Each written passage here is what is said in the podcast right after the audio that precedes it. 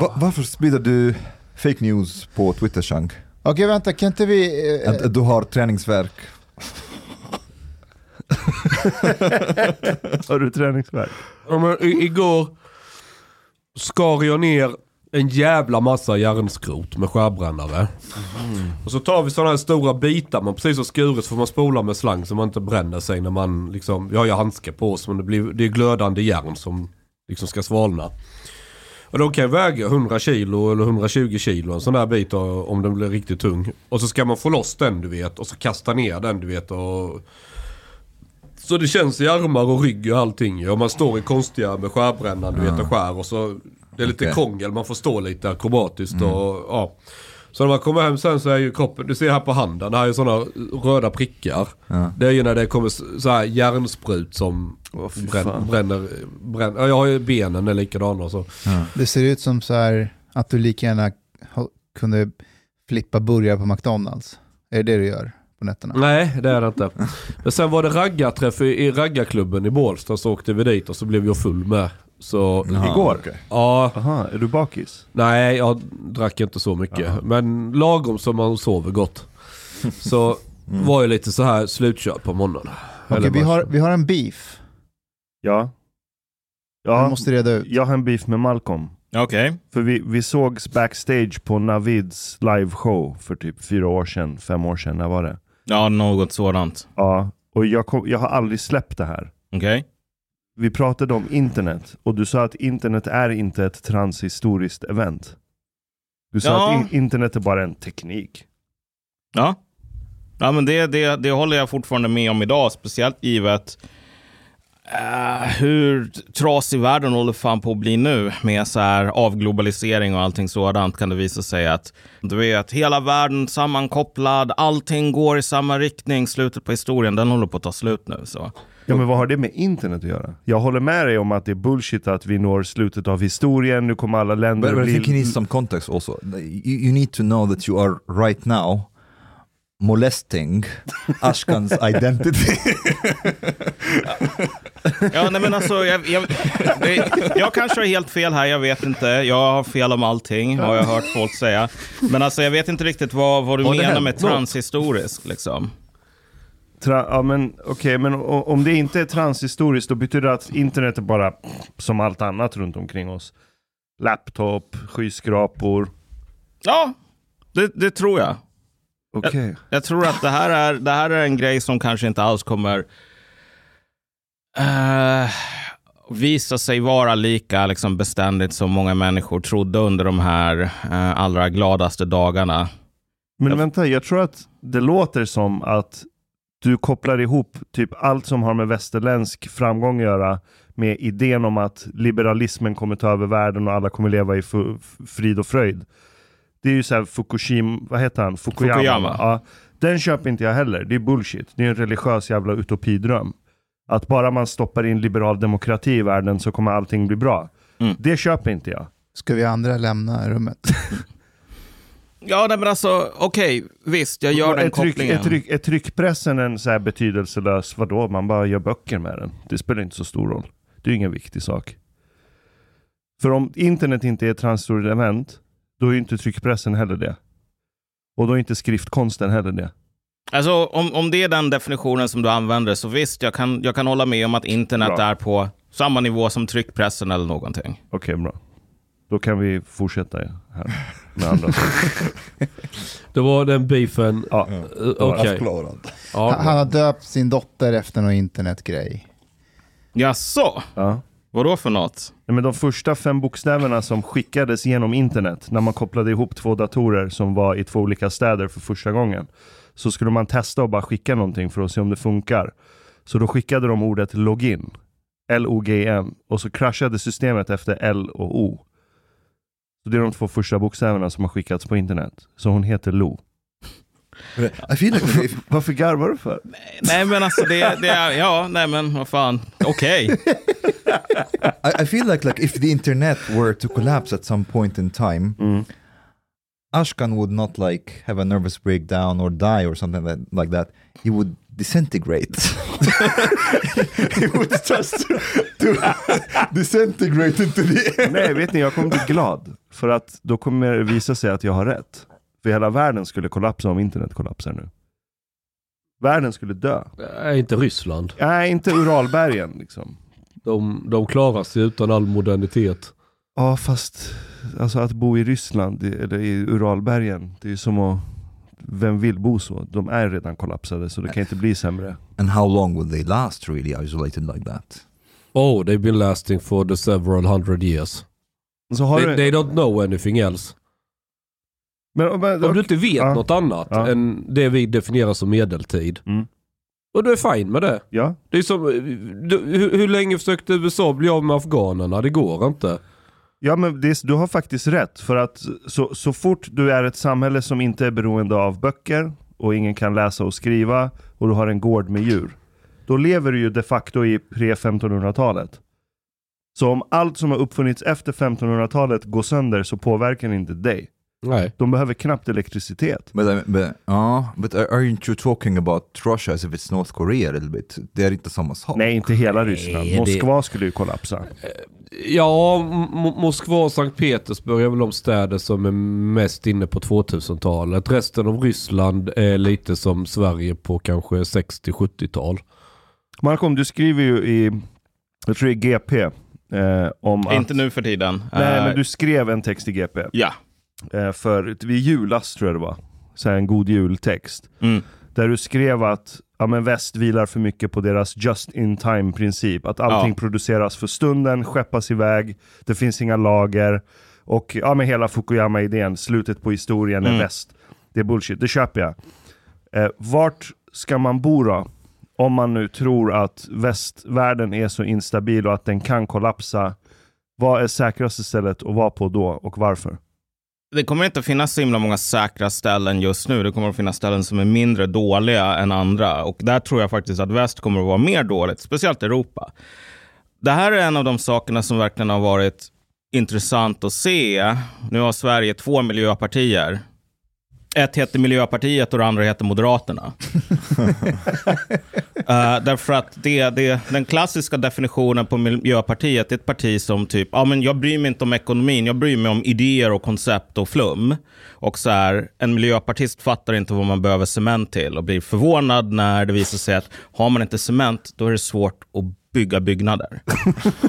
Okej, eh, så Miljöpartiet känner alla redan till, men de här sanktionerna mot Ryssland och liksom sättet som man har hanterat hela den här ekonomiska kriget leder nu till situationer där um, den internationella energimyndigheten gick ut med rekommendationer nyligen om att vi i Europa, vi borde ta och komma med ganska långtgående uh, långtgående så här, åtgärder. Bland annat typ att folk som kunde skulle stanna hemma och jobba tre av fem dagar i veckan.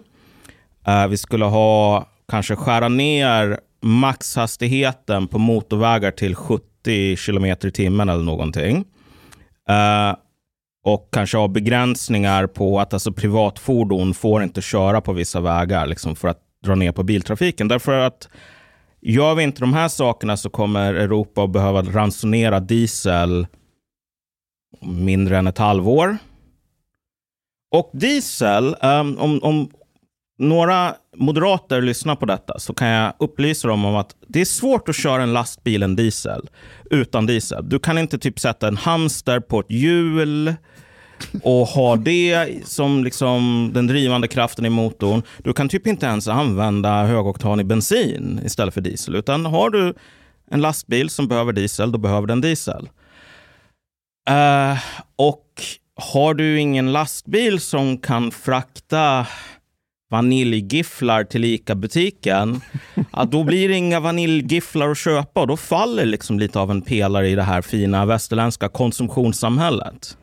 Varför säger du det här till Moderaterna? Därför att nu har vi haft, hamnat i en situation där ehm, på grund av det här kriget så är det ingen längre som bryr sig överhuvudtaget om den västerländska ekonomin. I, om, om man får välja mellan, du vet, att kämpa för frihet och rättvisa och demokrati och skrika refugees welcome och allt det där, då väljer man det. Och sen så är det någon annans jobb, eller det är helst ingen alls jobb att tänka på så här. Okej, men vad händer, vad, vad händer med en industriell ekonomi om du inte längre kan transportera saker på grund av att du är tvungen att ransonera diesel? Du är alltså tvungen att välja um, på liksom så här, okej, vi har så och så många lastbilar som ska komma med bostongurka eller vad fan det nu är, med smör. Och typ hälften av dem kan köra. De andra hälften får stanna hemma för att vi har inte nog med drivmedel. Uh, alltså det här, om du påpekar det, då är du någon sån här Rysslandvän idag i princip. But, but can, can this can these energy needs be replaced by from other countries, Det är en skit... including Middle East, uh, uh, Azerbaijan, like all these places, Iran. Iran? Ja, Iran. ja. ja. Ja! det, det, är en, det är en otroligt bra fråga och det är klassisk sådan fråga som man ska ställa innan Mm. man gör någonting som påverkar ens diesel liksom, tillförsel. Så. Det, och, alltså, du vet, det är bra att du påpekade den här um, artikeln som jag skrev, den sista för GP då, i, i början på december. skrev jag den. Då hade Ryssland en sån här 200 000 trupper-ish runt liksom, Ukrainas gränser då, norr. Den prickade Söder. du bra. Du Ja. skrev att de har en invasionsfärdig styrka runt Ukraina. Ja, det kan exakt. när att som helst. det mycket väl kan bli krig. Så liksom det här var någonting som eh, jag, som har fel om allting, kunde påpeka i början på december. Kriget började inte i början på december, det började i början på februari. Eller vad säger jag? Nej, i slutet på februari. till och med. 24 februari var det väl? 24. Ja. 24 februari det här året. Så vi talar alltså om två månader mer. Ehm, under den tiden, hur många människor var det som tänkte så här, okej, vad för sorts ekonomiska effekter kommer de här sanktionerna ha? Vilka sanktioner funkar? Vad kan vi få alternativa energikällor? Vad såg ni den diskussionen? Typ ingenstans. Jo, jo, Finns den vet. diskussionen ens idag? Nej, nej, den finns inte. Um, alltså så, du ser sådana här situationer att nu ska man börja ta reda på om det finns dieselproduktionskapacitet i resten av världen. Och här kan jag komma med svaret. Det finns det inte. Därför att det finns en global dieselbrist. Därför att, hör och häpna, men all olja skapas inte liksom, likvärdig. Utan det finns olika typer av olja. Vissa typer funkar jättebra för typ bensin, flygfotogen. Andra funkar eh, väldigt mycket sämre för det, men funkar väldigt bra för diesel och liksom andra saker, typ asfalt och massor med grejer man gör av olja. Ryssland är en av de största oljeexportörerna, bara om du ser till olja, men det är också en andelen av det som är diesel är högre än liksom genomsnittet. så. Så att länder som Storbritannien, de importerar typ en, en, en, mer än 20 procent av all sin diesel från Ryssland. Liksom, beroende kanske till och med ännu mer, 25 procent eller någonting av rysk kapacitet när det gäller raffinaderier och så. Och eh, Så att det finns två problem här. Ryssarna har en ganska stor andel av liksom den totala raffinaderi och produktionskapaciteten. Men sen är det också så att, alltså, som, som du påpekade innan, det globala eh, logistiksystemet är paj. Det är jävligt trasigt just nu. Um, så att även om du kan producera det här någonstans i Mellanöstern är det inte alls säkert på att de kommer att sälja det till Tyskland först för att Tyskland har bestämt sig för att inte köpa diesel från Men hur, hur paj är det egentligen? Alltså vi har haft pandemi i två år och saker har funnits i butikshyllorna, more or less, Mm. Utan problem. Inte Playstation 5. Inte Playstation 5, det tror jag vi klarar oss utan. Can we? Jag går ändå till webbhallen varje Ida dag och var- kollar om de har fått in något nytt. Ida, Ida har varit jätteledsen. Jag med. Jag med. Men förutom Playstation 5, En annan sak som är inte det ett mäktigt logistiskt system? Som kan stå emot en pandemi där halva världen har bara stängt ner sig.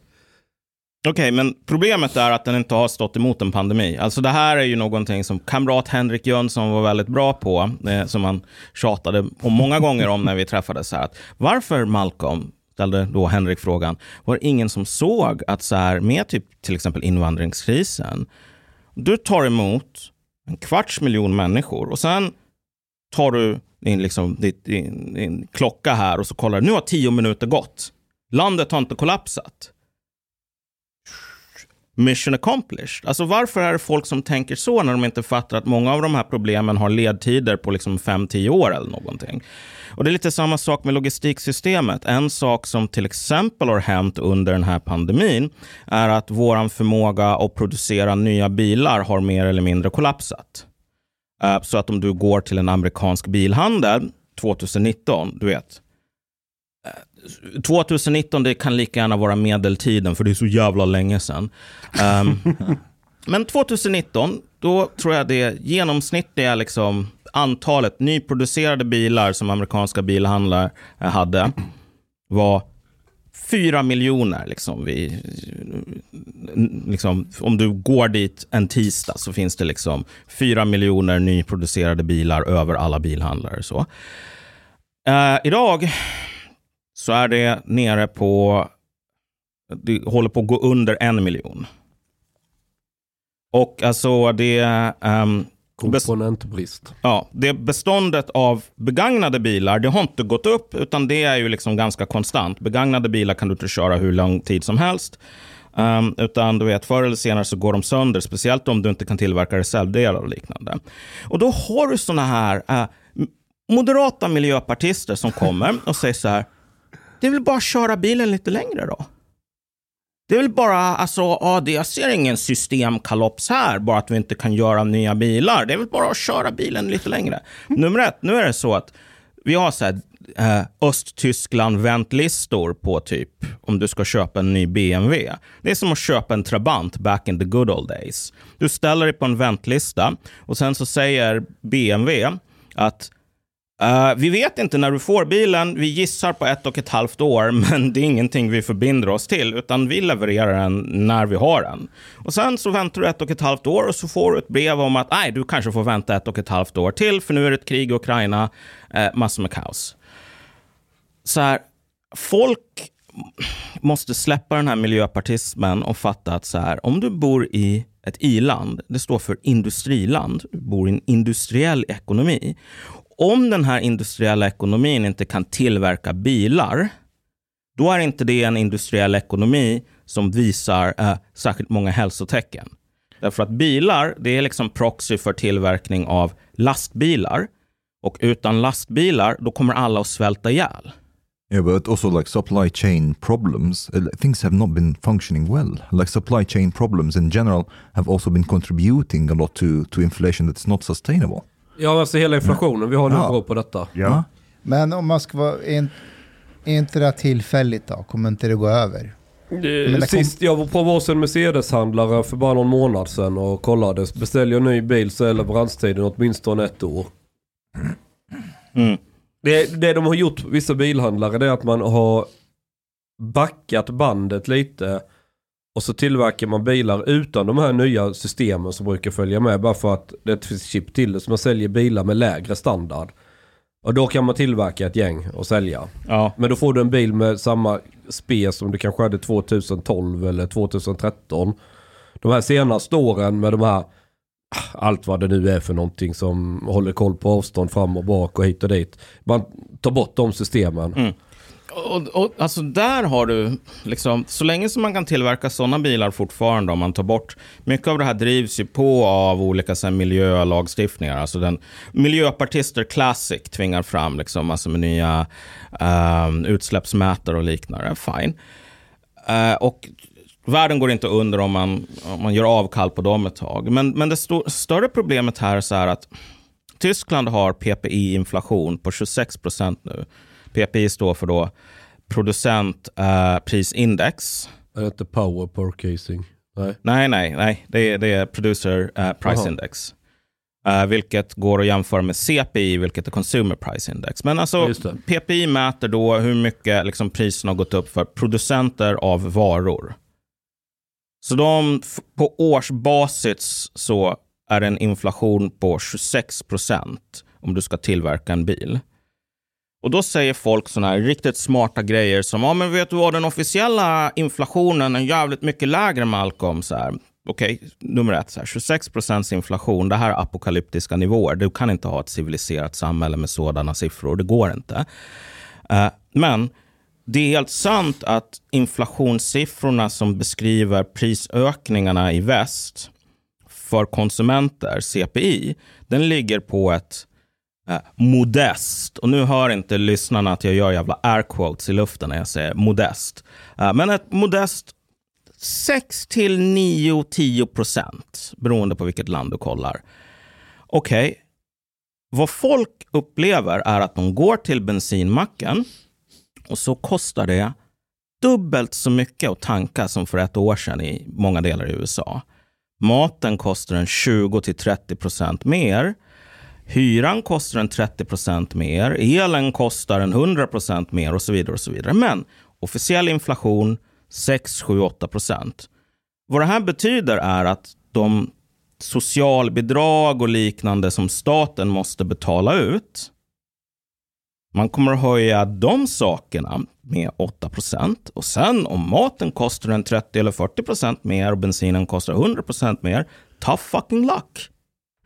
Så alltså, Uh, du ser en situation idag där även de här officiella siffrorna, eller liksom skillnaden mellan det, vad, vad staten går ut och säger att det här är den prisökningen som ni konsumenter egentligen har och som ni kommer att få ersättning för genom olika statliga system. Den är jättelåg.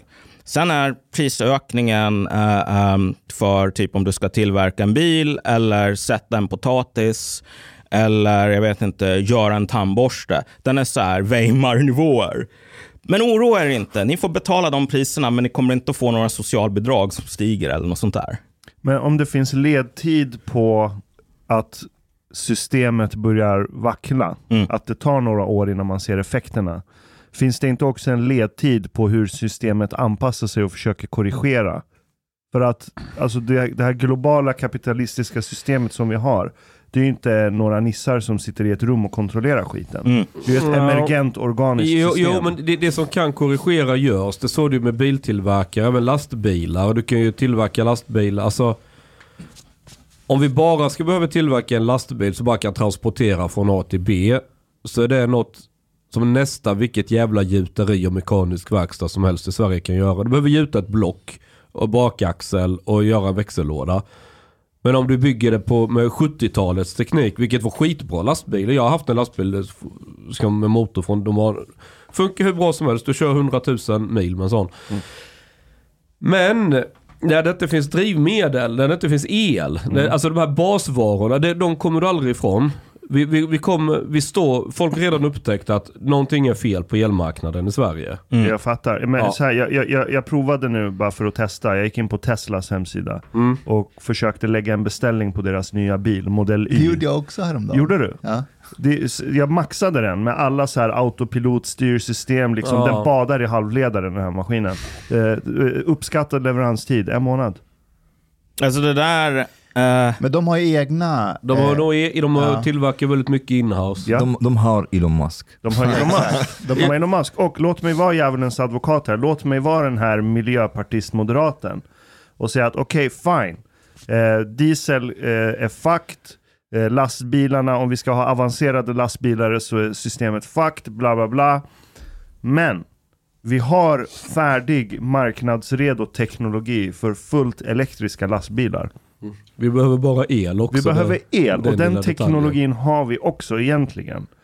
Om vi, om vi bara kastar ut alla som är emot kärnkraft och, Ja, bygg, och gör ett jävla kärnkraftsimperium. ja. Jag, vill ha, jag vill ha kärnkraftsreaktor i varje stad. I stadskärnan så ska det vara sådana här reaktorer och så kommer det en massa vattenånga från. Det ska vara en symbol på styrka Mm. Och longit, vad heter det? longevity. Men det Okej. tar åtminstone fyra till fem år att få dem. Alltså om vi nu, om vi säger att vi... vi Nu är du jävligt optimistisk. Nej, men det, det går det, det är inte optimism. Det Det, går det, att är realism. Alltså jag, jag, jag, jag skulle precis säga, om vi skippar alla regler Okej. Do we want to do that with Jo men det är politiskt. Jo, jo men när folk sitter och fryser och politiker riskerar att bli avsatta och och folk står med högafflarna på Mynttorget. Då kan man väldigt fort klubba igenom vilka jävla grejer som helst. Då, då kan byråkratin gå jävligt snabbt. Ja. Så säger vi att allting är grönt ljus, bygg här. Här är markplätten, bygg här, koppla upp mot elnätet. Så den fysiska byggtiden för ett kärnkraftverk skulle jag säga är 3-4 år. Kanske upp mot 5. Det beror på lite för att Bygger vi kärnkraftverk idag så kommer den ju också drabbas av, viss, av, av, av alla de här störningarna av produktion och grejer. Ma- Malcolm, är det realistiskt att bygga kärnkraft på 3-5 år? Ja, om man sätter Filippa Reinfeldt på det så kommer det ju definitivt att gå, bli klart i tid och till underpris. Så liksom, det är väl bara att klona henne och skicka henne till Tyskland. Jag menar alltså, i vi teorin... byggde kärnkraft på tre eller fyra år, några av de svenska på 80-talet. Ja. Ja, Alltså, i, så att jag, jag håller med dig till, till, till ganska stor grad här. Att alltså, det går verkligen att skära ner på massor med regleringar och liknande och faktiskt få saker gjorda. Sättet, du vet, men när man ska börja göra det, det är det som är frågan. Om du upptäcker att du har en redig jävla energibrist. Du har massor med problem med att du inte kan liksom um, all den här tunga utrustningen för liksom byggbranschen. Oj, vi har inga reservdelar för att liksom hamnarna är trasiga och typ Kina har låst ner och nu har vi brist på nickel. Um, det är precis fel tillfälle att börja därför att alltså, man gör de här sakerna när man har en fungerande ekonomi utan 26 procents inflation och när man har tid att ta de här nya systemen i bruk. Återigen, alltså jag, jag, jag famlar lite i mörkret när jag ska försöka förstå vad det gör som vad förklaringen är att våra politiker är så otroligt värdelösa. Och här tycker jag att liksom Gud. Må Allah förlåta mig för att jag säger någonting positivt om sossarna. Liksom. Men så här, de är de minst sämsta här. Därför att Moderaternas politik framöver, det ser man redan nu om ni är ute på Facebook. Liksom. Politik har en punktlista. Punkt nummer ett, första och sista punkten, det är att säga Miljöpartiet är dumma. Det är Miljöpartiets fel.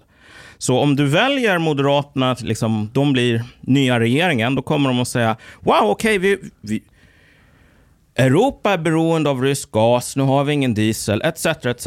Miljöpartiets fel. Så rösta på oss i nästa val efter det här så kommer vi att, att säga att det är Miljöpartiets fel lite mer.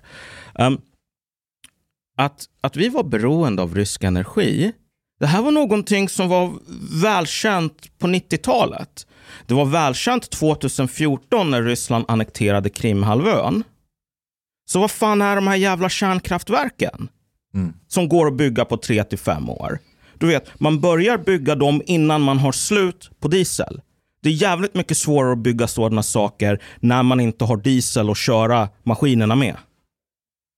Och det här är ingenting, det är inte, det är inte Nordkoreas fel, det är inte Putins fel, det är inte ens Xi Jinpings fel att det inte finns någon i västvärlden som verkar kunna tänka efter före. Och alltså, det mest patetiska exemplet på det här som verkligen visar hur, hur illa ställt det är. Det är ju så här att vi i väst har ju kommit med de här sanktionerna, de här finansiella sanktionerna för att av olika anledningar så kan man ju säga att internationellt bankväsen, du ska föra över pengar mellan olika banker, du ska göra betalningar i utlandet och så vidare. Det här kräver ju infrastruktur, ditt kära internet här, bland annat. Um, uh, och och de, den infrastrukturen kontrolleras väldigt mycket av väst. Av ganska förklarliga liksom, historiska skäl. Så du har Swift till exempel. Um, jag kommer inte ihåg vad det står för. Society for någonting, någonting. Whatever. Liksom, Swift är i alla fall um, det här systemet som bank... Clearingsystem. Ja, precis. Clearing-system som banker använder för att kunna göra överföringar mellan varandra. Uh, vi i väst kontrollerar de sakerna väldigt starkt. Så då har man använt den kontrollen för att se till så att um, Ryssland inte längre kan betala eller hantera euro eller dollar i sina banker.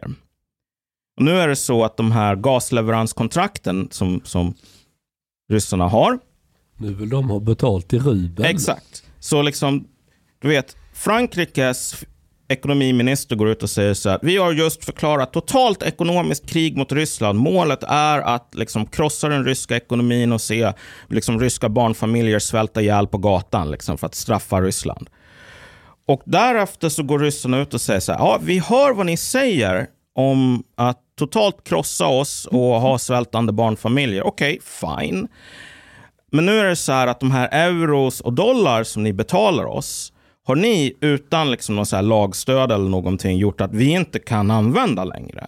Så därför vill vi ha betalt för den här gasen som vi fortsätter att leverera till er i en valuta som faktiskt är värd någonting för oss, vilket är rubel. Vad håller då Europa på att säga? Alltså, europeiska mm, liksom, eh, eh, den politiska ledningen i Europa blir helt chockerad och säger det här är ett regelbrott. Det här bryter mot kontraktet. Vi hade ett kontrakt Putin. Ni kan inte bara ändra på, ändra på villkoren i kontraktet. Det här är liksom som så spartaner som åker ner till Aten och bara Hallå, jag åkte ner hit för att sticka in det här bronsspjutet i magen på en atenare, men han tog sitt spjut och stack in det i magen på mig. Hallå personalen, får man göra så här? Alltså, alltså, om man säger att man ska förinta ett annat land och det här landet levererar den gasen som gör att man inte fryser ihjäl och de säger okej, okay, vi hör vad ni säger, ni vill förinta oss, men vi vill ha betalt nu i en valuta som vi kan köpa någonting för. And maybe bitcoin for friendly states. Ja, mm. um, Eh, vänliga stater kan betala i sin egen valuta, men ovänliga stater måste betala typ i, kanske i bitcoin om, om de lyckas reda ut det. Eller guld eller rubel. Och alltså, jag tar upp den här anekdoten dels för att den är så jävla festlig, men sen också bara för att den visar på en brist på seriositet. Okej okay, om det är krig, Sparta mot Aten, du vet, förloraren får alla vuxna män dödade och liksom alla barn och kvinnor sålda som slavar. Ja, men alltså, Okej, okay, fine, men då gäller det för båda sidor. En sida kan inte säga att det är ett kontraktsbrott att få ett spjut uppstucket i magen när man försöker döda den andra. Liksom. Men det är där vi är på något plan. Vi har politiker som inte tar konsekvenserna ens av sitt eget agerande på allvar överhuvudtaget. Du Malcolm, angående kriget så skrev du ett inlägg för någon vecka sedan om ja. att, på Facebook om att eh, om att kriget skulle vara över innan veckan var slut, när veckan började. Du skrev något om att Ukrainas luftförsvar och flygvapen är utslaget. Eh, och sen skrev du lite senare att, att den, eh, Rysslands armé är tekniskt bättre och mer välorganiserad. Vad, vad handlar det där om? Alltså det där har ju folk gjort så jävla mycket av. Och det, det, det, det bjuder jag på. Det bjuder jag verkligen på. Alltså, jag menar, man kan säga så här. Den första läxan är att inte uttala sig eh, överhuvudtaget om krig första veckan. Men den andra läxan, den andra läxan är ju så här att eh, vad folk måste fatta är ju att det är två lite olika scenarier här. Alltså så här, folk räknade ju, jag var inte den enda som räknade med att det skulle gå ganska snabbt. Det var många i liksom, statsdepartementet i USA. Liksom. Ja. Därför att det, det, man såg var inte så att, jag vet inte, ryssarna tar fram liksom Avengers och bara utrotar alla med laserstrålar från ögonen. Utan det är ju att den, den ukrainska armén inte skulle vilja slåss. Så det var ju liksom scenariet som kriget skulle kunna vara över på äh, en vecka. Ryssarna själva räknade ju med att ukrainska armén inte ville slåss för ja. att de gick in väldigt de, de har ju FSB-agenter i Ukraina som gör enkätundersökningar bland befolkningen. Och då, där de mätte folks stridsvilja vid ett eventuellt krig. Och den, oh, visade, och den visade sig vara låg. Ja, så hela den här invasionsplanen byggde på en enkätundersökning. ja, det gjorde den. Det gjorde den. Jag menar alltså... But isn't it also because most people thought that the Russian military is far superior to the Ukrainian? På pappret. Alltså, men, men det, det, där kan jag komma till, för det där är en, en intressant liksom, där skulle jag också kunna svara lite. Hade ryska eh, soldater och krigsmaskineri haft någon som helst eh, eh, vilja eller motivation så hade de vunnit kriget redan i Ukraina. Nu, nu, nu, den ex, alltså, viljan att kriga i Ukraina är extremt låg bland ryska soldater. Ja, men det är som att ta så här, um, en fotbollsanekdot. Du kan ha två lag där det ena laget är betydligt bättre på pappret Ja. på alla sätt. Ja, Men kommer lite halvt motiverade till matchen. Och så är det andra lag som bara, vi har, supertaggade. vi har Real Madrid på besök på vår hemmaplan. Ja, nu ska nu- vi fan krossa dem. ja, Ja, det men är här, lite här, så. Här måste jag flika in eftersom liksom, du tog upp den här... Eh, liksom, eh, min, min beviset på att jag är liksom Putin-trogen agent här. Och då vill jag liksom ta varje sak i det här i taget så liksom för att rensa luften. Men, men just det här med, okej, ja, jag trodde att den här att det fanns en ganska stor risk och det var jag inte ensam om. Det var, visade sig vara fel, men jag tycker inte nödvändigtvis att det var en dum grej att tro i början. Att alltså den ukrainska armén inte skulle ha kampvilja, så fine. Sen när det gäller det här, om den ukrainska armén faktiskt slåss. Alltså du kan ju inte seriöst tro fem öre att en armé som har fått en hundratals miljarder kronor i stöd från västerlandet där um, ehm, NATO-länder och andra, till exempel Sverige, håller på att tömmer sina egna um, förråd på avancerade vapen för att skicka över. Att det här ska gå över på en vecka, om, om båda vill slåss. Därför att det är inte så här 20 000 ukrainska soldater mot en miljon ryska soldater, utan de är ganska nära i paritet. Och sen när det gäller det här folkvisdomen om att Eh, och, och på något plan är kanske det den, den poängen som folk håller på och liksom hoppar på mest. Där med. Hur kunde du tro att den ryska armén var tekniskt avancerad? Alltså folk håller på och sniffar lim på något plan just nu i Sverige. Alltså det är någon form av väldigt intressant masspsykos som pågår. Därför att, okej, det kommer ut nya siffror hela tiden sen. 10 000 ryska soldater har dödats. Sen en vecka senare 12 000. En vecka senare 15 000. 15 000 är senaste siffran just nu. Mm, en, en, en 500 stridsvagnar, en 1000 pansarfordon och så vidare. När var senaste gången ni såg en uppskattning på ukrainska förluster? Det är en väldigt bra poäng. Det har inte jag faktiskt sett. Det är, vet du vad? Alltså så här, när man ska bedöma hur det går i ett krig. Det bästa sättet att få en bra bild, det är att bara kolla på ena sidan. Som du vet kommer från extremt opartiska källor, vilket är den andra stridande parten. Som sen säger Jaha, du vill veta hur många av oss som dött? Nej, det där är inte intressant information. Alltså hur kunde det påverka liksom, bilden av kriget? Och veta det? Ni behöver inte veta det. Trust us. Och ingen ifrågasätter det. Alltså, så här, om man ska göra en bedömning så behöver man veta båda siffrorna här, nummer ett. Och när du har att alla är tyst överens om att nej, vi ska inte, vi, vi ska inte ställa frågan ens. Då är det någonting jävligt screwy som pågår. Nummer ett. Sen nummer två. Det finns en, en aspekt i det här som verkligen är att um, precis som den här, eh, tänker er kriget mellan Egypten och, och ehm, Israel, vad nu det heter, liksom, när, när Nasser anföll. Alltså det, liksom, om du följde eh, egyptisk krigsrapportering så är det så här, vi har spöat de sionistiska hundarna hundra mil från huvudstaden. Liksom. Den egyptiska armén går från seger till seger och sen liksom, nu, har, nu krossade den modiga egyptiska armén de här judiska banditerna 75 mil från huvudstaden. Och liksom, vi fortsätter att segra och sen så här, vi besegrade dem 25 mil ifrån huvudstaden och snart är den israeliska armén förstörd. Och sen liksom, I förorten utanför Kairo så utdelade den egyptiska armén ett förkrossande slag mot israelerna som de aldrig kommer att återhämta sig We're från. still uh, being taught in schools that we crushed the Israelis, by the way. Det like the, the the narrative that we get in schools in Egypt that that basically we crushed them and we won the war without any blemish. Ja, and alltså, everybody believes it. ja, nej men alltså Egypterna krossar dem. Egypterna krossar dem 100 mil från huvudstaden, 75 mil från huvudstaden, 25 mil från huvudstaden i huvudstadens förorter. Och sen så uh, vann israelerna. Eller...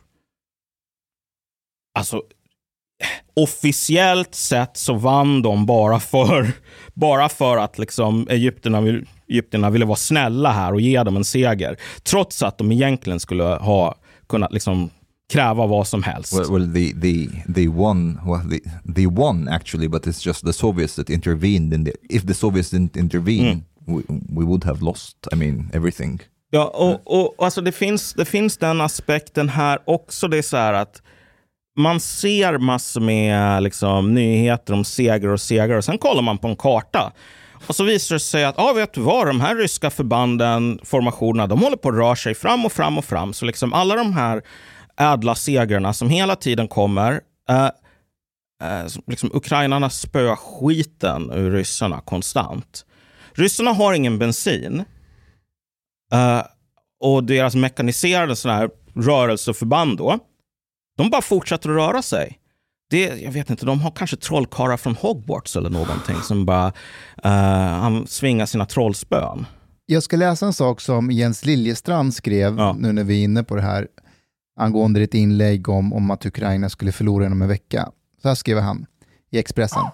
Det är lätt att kritisera i backspegeln och det finns ingen poäng med att håna Shiune för hans facit, för hans med facit i hand absurda påståenden om, den, om de ryska truppernas förkrossande kompetens. Nej, jag vill komma åt något annat istället. Tonen, synsättet, det nästan förtjusta språket när han ba- basunerar ut att folk vaknar just nu upp med upp helt yrvaket till en värld med flera stormakter snarare än bara en enda liberal hypermakt.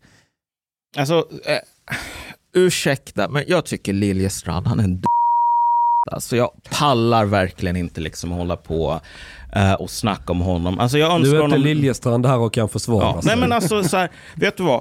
Jag har fel om allting, inklusive min, min bedömning om Liljestrand, den får stå för mig. Så min poäng här är inte att gå, gå i clinch med honom, utan att bara meddela att jag är inte superintresserad i, av vad han, ha- hans liksom filosoferande överlag. Men den här grejen med ehm, karaktäriseringen av någon sorts förtjusning över så här, vakna upp i en jävla multipolär värld helt plötsligt. Det är inte förtjusning. Jag är fan alltså rosenrasande och förskräckt när jag ser hur vad som pågår just nu. Alltså, eh, det som jag lite skämtsamt refererar till som den borgerliga miljöpartismen. Så här, högern i Sverige har vaknat upp och när de ser Miljöpartiet säga betong. Vad behövs betong till egentligen? Hallå? Liksom. Det finns massor med jävla borgare som säger att betong används i grejer, men jag, jag kommer inte ihåg sista gången jag använde betong. Okej, nu är vi där med bilar. Så här, ja men du vet, ta cykeln till jobbet istället. Liksom. Vad spelar det för roll om man har biltillverkning egentligen? Vad spelar det för roll om man har energi? Vad spelar det för roll om människor har råd att ta sig till fucking jävla jobbet? Det är frihet och demokrati och vi ska byta ut Putin mot någon så här Boris Jeltsins lik eller något sånt där. Alltså, det finns noll krisinsikt just nu. Noll. Och um, samtidigt så liksom, du, du har sådana här siffror som 26 procents liksom PPI-inflation. Det här, du måste vara redigt gammal, typ 110 år gammal eller någonting för att komma ihåg senaste gången det här hände i väst. Och om du kommer ihåg senaste gången det här hände i väst, då är du fan inte upprymd eller entusiastisk inför framtiden. För senaste gången som det hände så dog det typ hundratals miljoner människor. But but the thing is, I think it's even it's it's worse than that because most of the focus in the West is on Western countries, Ja. and that's understandable. But the thing is, like right now in Egypt, for example, Egypt is the number one importer of wheat in the world, Yes. uh, and they are not getting wheat anymore. Yeah. And the thing is, uh, bread in Egypt is very heavily subsidized by the government. Ja. Uh, and now they have to pay incredible amounts of money in order to keep the people fed. And also, fuel in Egypt is subsidized. Uh, Egypt is not rich in oil. Uh, and the Det är som inflation. Miljöpartiets politik fast precis tvärtom. Mm. Yeah, something like that. But and the inflation has been climbing very fast. The Egyptian pound has been basically collapsing, and at some point, the government it's possible that they are not able to feed the people, And the last time that happened, that they tried to remove the bread subsidies, I think it was in the end of the 70s or in the beginning of the 80s.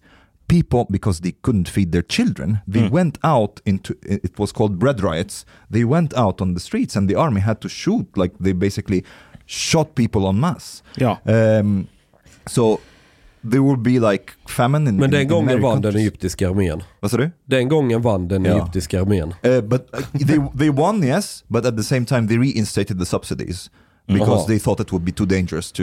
Uh, they, they mm. basically Det var en were not- israelisk seger alltså. Ja.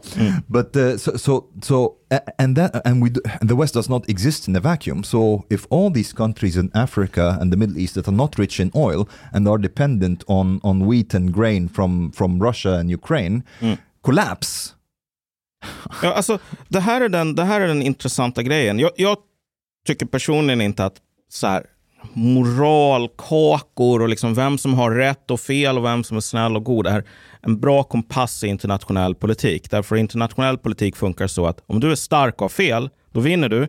Om du är svag och har rätt, då förlorar du. Och, och du vet, har du rätt, då behöver du bli stark. Starkare än, än dina fiender. Och är du starkare än dina fiender så behöver du inte ha rätt. Så att alltså, men den här, den här moralismen i väst och i Sverige, moraliserandet över liksom hur jävla snälla och goa och fina vi är, alltså det står mig i halsen av en väldigt enkel anledning. Därför att, okej, det har dött, jag vet inte vad, typ en 20 000 människor eller någonting. Du kommer inte att få säkra siffror innan, innan kriget är över. Men kanske en 20 000 människor varav en, en stor andel, hälften, är soldater i Ukraina. Det är ingenting. Men jämfört med kriget i Jemen eller liksom bara luftbombningen av Irak innan man gick in så det är inte stora siffror. Okej, för det här, den här, uh, den här hemska konflikten, så är man i väst beredd att säga så här att vet du vad, vi ska slåss till den sista ukrainska staden är jämnad med marken. Den sista droppen blod, eh, liksom ukrainskt blod har flödat. Och till liksom den sista ukrainska barnfamiljen har stuckit och börjat leva på svenska barnbidrag. Um, hellre än att ge upp en princip. Okej, om du är i Egypten, vad du hör då, det är ett väst som säger vi är beredda att offra ert land. Vi är beredda, alltså okej, Egypten kanske kollapsar in i anarki och svält. Men det är ett pris vi är beredda att betala i Stockholm för att alltså sticka tummen i björn eh, i ögat but, på but den hemska that Putin. these hundred million people will come here. Ja, ja antingen det. Och, och, typ ledarna i Egypten, de kommer att höra det här och tänka så här. Okej, vet du vad? Väst suger. Vad får jag ut av väst annat än så här bara idiotisk, alltså viljan att försöka mäkla någon sorts hållbar fred från, från västs sida i, i Ukraina är jävligt låg. Alltså Adam Sveiman skrev ju en artikel om att som, som på typiskt Sveiman-vis var väldigt försiktig och liksom välargumenterad så för att det vore bra om kriget fick ett slut innan massor med onödigt lidande hände. Och så som liksom fronten ser ut så är det inte så att Eh, man kan kräva att ryssarna lämnar tillbaks uh, um, liksom Säckejärven och betalar en tusen miljarder euro i krigsskadestånd och ger upp Krimhalvön. Utan så här, uh, båda sidor måste få någonting som de Liksom så att de känner att de kan gå ifrån förhandlingsbordet med någon sorts seger. Det är, det är det enda sättet att få fred. Och då blir Sveiman ansatt av massor med människor som kallar honom landsförrädare, en Putin-försteer och liksom sånt där. Typ Hans, han, hans familj kommer från Ukraina. så. Men, men liksom, det finns Det är noll... ännu värre då ju. Va? Ja då är det ju ännu Ja, värre. ja, men verkligen. Liksom, ja. Någon borde ju ställa honom inför riksrätt eller bara liksom skicka Azov-bataljonen för att avrätta honom på kamera eller någonting. Men du Malcolm, vad, vad, vad tycker du att väst borde göra? Är, är det fel att till exempel skicka vapen till, till Ukraina? Alltså, vad man måste göra i slutändan är att tänka liksom, vad är det man vill uppnå här? Liksom, vad är poängen med våran, liksom, våran sida i konflikten? Eh, och poängen, så som den inte är riktigt uttalad men liksom underförstått, det är ju att försöka bevara en unipolär värld.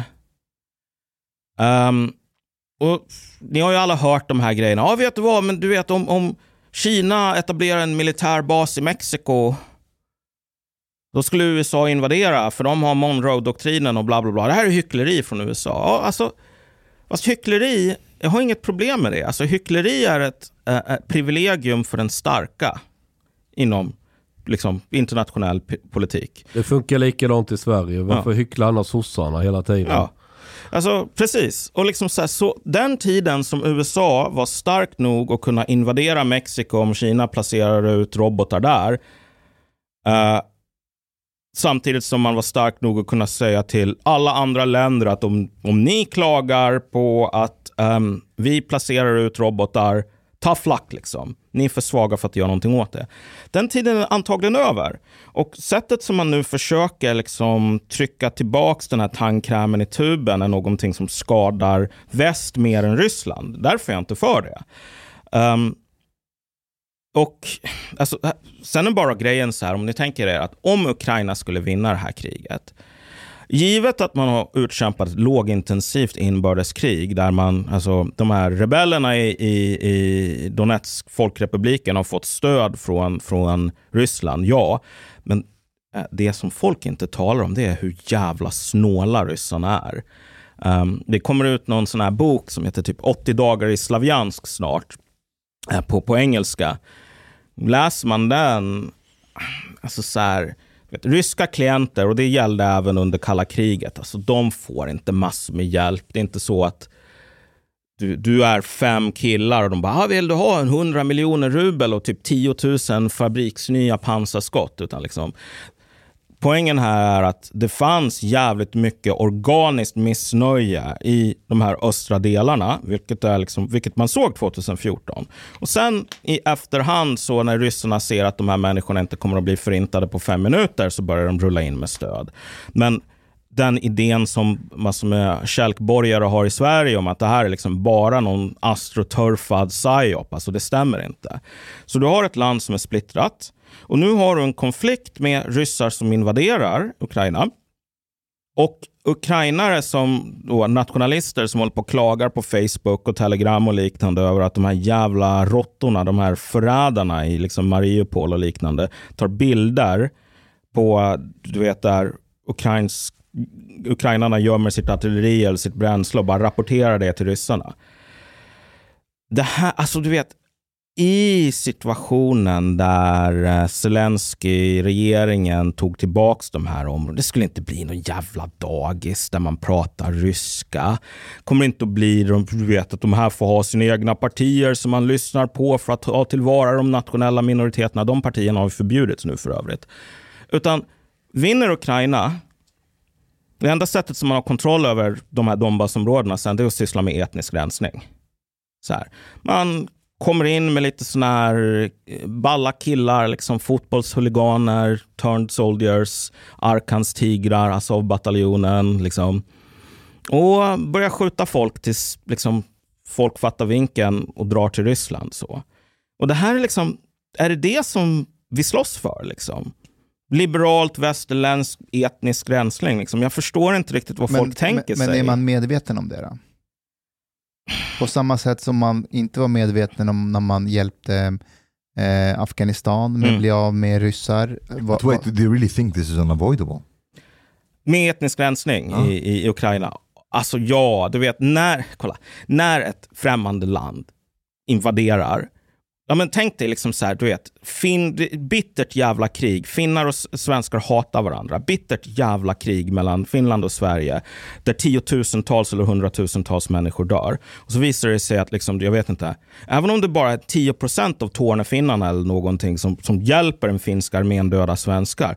finns ingen fucking chans att de kommer att lämnas i fred därefter. Eller vice versa. Ingen chans i världen. det är Menar inte du att så det här är någon så här allmän universell lag? Ja, ja, ja alltså. I, Men varför, varför rensade inte Iran ut araberna efter deras krig med Irak?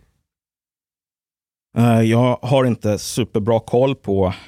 Det bor skitmånga araber i Iran. Det finns ingen... Efter, efter kriget. Iran- i- Iran-Irak-kriget, då borde ju samma logik gälla där. Mm, ja, att Irak nej. invaderar Iran, det blir krig och sen när kriget är över så kommer de bara skjuter alla araber. Ja, men Jag alltså, tror att hur- det, det är många också I och för sig, de araberna är ju iranier. De är inte Shia. iraker. and- Ja, det är sant. Shia. Det är sant. There's like half the Ja. Iraqis are Shia. Yes, Ja. du har rätt. Jo, If you were. Sunnis on the other hand, Ja. it would have been a problem. Det är sant. Ja, ja, alltså så här, ja, okej, men det, det där verkar ju vara liksom svaret då eftersom liksom den här sektarianismen i, i, i, i Mellanöstern, många gånger så här, så här shia och sunni, under Saddam var det ju så att ibland så visste man inte vilket man var typ därför att folk som gjorde för mycket väsen där, alltså de förlorade lite fingernaglar och sådana där grejer ganska snart. Så de visste att hålla käften. Precis som under Titos Jugoslavien. Och sen, du vet, proppen går ur. Så har du så här sunnitiska miliser som liksom borrar ut ögon och knäskålar med Black and Decker liksom borrar och sånt där. Alltså det var ju helt psykotiskt under ett tag i, i Irak. Okej, under Malcolm, om vi- Bosniaks in Serbia still? Va? Under Bosniaks in Serbia still? Det finns, ja, det finns väl en del, jag vet inte hur många, men, men ja. Om vi ställer en direkt fråga, säg att vi backar i tiden en månad, Ryssland går in i Ukraina, eh, väst vill undvika krig, de vill ha fred. Vad tycker Malcolm att väst borde ha gjort och vad ska de inte ha gjort? Alltså, det bästa vore ju verkligen om, alltså här kan jag ju hålla med alla de här jävla kälkborgarna, att det bästa vore om det 90-talet kunde vara för evigt, om man bara kunde på något plan krossa den ryska ekonomin och allting sånt där. Alltså målet är väl kanske inte ett problem, men vi är inte starka nog. Så att det man får göra här är ju någon form av triage. Liksom. Man får se vad, vad är det som vi kan faktiskt åstadkomma. Um, och då blir det ju att leverera vapen men låta rysk ekonomi vara kvar. För vi har inte musklerna att döda deras ekonomi. Nej, jag vet Om jag inte. förstår dig rätt. Nej, men det är ju en, det är en superdum kombo. Då, då eh, finansierar vi ryssarna. Så att, alltså, Ja, det har vi inte haft problem med förut. Jag menar alltså, leverera vapen, okej fine, men vad kommer att hända med de här jävla vapnen? Vi har levererat hur mycket vapen som helst. Alltså så här, Ja, det andra alternativet är väl som tyskarna och bitvis fransmännen initialt gjorde. Tyskarna vill ju inte hjälpa Ukraina och jag tror tyskarna till och med försökte sätta lite press att Ukraina Ja. skulle gå ryssarna till möte så att lova inte gå med i NATO och lite annat sånt ja, där. exakt. Ja, men alltså det, det, pressen måste fan vara på Ukraina på ett plan att, att fatta att hjälpen från väst är inte hur obegränsad. Så att liksom det funkar inte att ha helt oansvariga sätt. Vet du vad, Joe Biden kommer att hjälpa oss att typ återta Krimhalvön. Han kommer inte att göra det och det är bara dumt för er att tro det. För att de inte är med i NATO. Ja. Nej, alltså de är inte med i NATO därför att ingen vill ta en väpnad konflikt med, med Ryssland. Okay, but uh, uh, Men då kan vi ta det samma med Sverige och Finland då. Mm. Om, inte, så här, om inte vi är med i NATO så kommer inte de, eh, NATO eller väst hjälpa oss om de kommer till Gotland. nej, de kommer inte hjälpa oss. Nej, de kommer inte Nej, alltså kolla. Grej, grejen med, grejen med Jag såna vet här... att de kommer hjälpa oss om vi är med i NATO. Men... Nej, alltså såna, kolla, såna här, internationella, såna här internationella fördrag, de spelar fan ingen jävla roll. Därför att problemet med internationell politik är att det finns ingen högre stående makt. Vilket gör att alltså, det finns ingen som straffar dig om du bryter mot ingångna avtal till exempel. Så idén om att så här, USA är tvunget att skydda Estland på grund av att det står att de är det på ett papper. Jag tror till och med att liksom, äh, jänkarna faktiskt medvetet försvagade vissa formuleringar i fördraget så att alltså, de är skyldiga att ta, ta um, take actions which are deemed necessary. Och om man funderar på vad det betyder så kan det säga att ja, vi har just fastslagit att, så här, att eh, projicera Estlands flaggas färger på Kapitolium, det är det som är nödvändigt att göra om de blir invaderade. Så nu har vi fullföljt våra, våra åtaganden Okay, här. but, but so yeah, I, I think I don't know what Biden would do if a NATO country is attacked, but I can totally see if Trump was in charge, he would not intervene. Nej, like, this is uh, Estonia. What is Estonia? Nej, men, det, men, så, liksom, det, det stora problemet här också som folk inte fattar, och det här är det som återigen liksom den eh, moderata miljöpartismen har verkligen liksom förgiftat det här landet. Därför att en av de värsta grejerna som har skett med de här sanktionerna, och det här är det liksom århundradets självmål. Det är helt förbluffande faktiskt. Det är så här. Um, USA gick ut och sa att man fryser uh, Rysslands räntebärande papper, statsobligationer. Mm. Och vad folk lätt glömmer för sättet som vi talar om det här, att man köper eh, obligationer och så vidare, att en obligation är inte en egendom. Det är ett lån. Mm. Eh, att köpa en statsobligation är att skaffa sig ett papper och det är ingen som tar leverans på de här papperna. Liksom, därför att det är ingen poäng. Men du, du, du äger nu ett papper där det står att den amerikanska staten kommer att betala dig x antal dollar vid det här datumet. Och ehm, um, förbinder sig att göra det. Och priset är alltså x minus någonting, några procent. Liksom. Um, så att du lånar, du, du ger pengar i utbyte mot att den, här, den amerikanska staten lovar att ge dig så och så mycket pengar vid det här datumet. Jänkarna gick ut och sa nu i, eh, mot Ryssland från och med nu, vi förbehåller oss rätten utan någon laglig process, utan någon internationell lag, bara på vårt, vårt fria skön. Så kan vi, trots att det står på de här statsobligationerna att vi är skyldiga att betala tillbaka. vi behöver inte betala tillbaka lån om vi inte känner för det. Det här är inte en superbra grej för att inspirera um, tilltro till en persons uh, kredibilitet, liksom kreditvärdighet. Om någon säger att jag har en rätt att inte betala tillbaks pengar som folk lånar mig av vilken anledning som helst, när som helst och ingen kan göra Fast någonting det är åt inte det. vilken anledning som helst. Nej, det är anledningen att du vet, ryssarna är dumma. Eller att Ryssland invaderade ett land. Okej, ja. Och var någonstans i uh, det avtalet som man ingick, vilket liksom en, en statsobligation är på något plan, står det att, ah, vet du vad, det här gäller inte om du invaderar ett land. Det står ingenstans av en väldigt enkel anledning. Uh, därför att det är inte en del av dealen. Alltså, om du uh, förklarar att du har rättigheten och det är du själv som bestämmer vad kriterierna är. Att inte betala tillbaks. Ja, vet du vad? Duterte sa massor med elaka saker om knarklangare. Ja, vet du vad? Xi Jinping, uigurerna. Tänker inte betala tillbaks till det. Ja, vet du vad? Jävla Jimmy Åkesson är sverigedemokrat. fan ska han ha pengar för? Så här, du vet, man gjorde inte de här sakerna mot Nazityskland. Och det är få människor idag som är beredda att gå upp och säga så här, vet du vad, Nazityskland, alltså det är ingen jävla skurkstat, de är ju helt normala. Anledningen till att man inte gör sådana här saker, det är för att liksom det internationella systemet, oavsett om man tycker om det, om man tycker om globalism eller att vi ska alla bo i byar. Men globalism funkar på ett par väldigt grundläggande regler som alla måste respektera.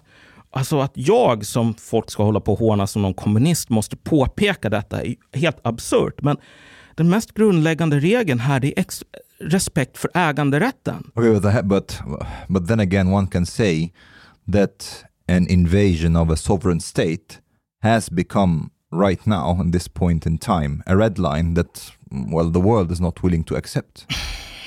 Ja, det är ju inte att respektera äganderätten om du invaderar en annans land. Nummer ett, så här, om vi tänker oss de människorna som, alltså de länder som är med på de här sanktionerna, så är det så att i hela Europa, förutom typ två länder på Balkan och Vitryssland, eh, Serbia stronk, uh, eh, det är hela Nordamerika förutom Mexiko, så liksom två tredjedelar av Nordamerika.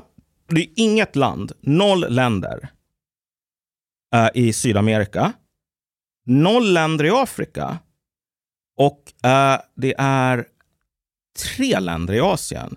Det är Sydkorea, det är Japan och Singapore.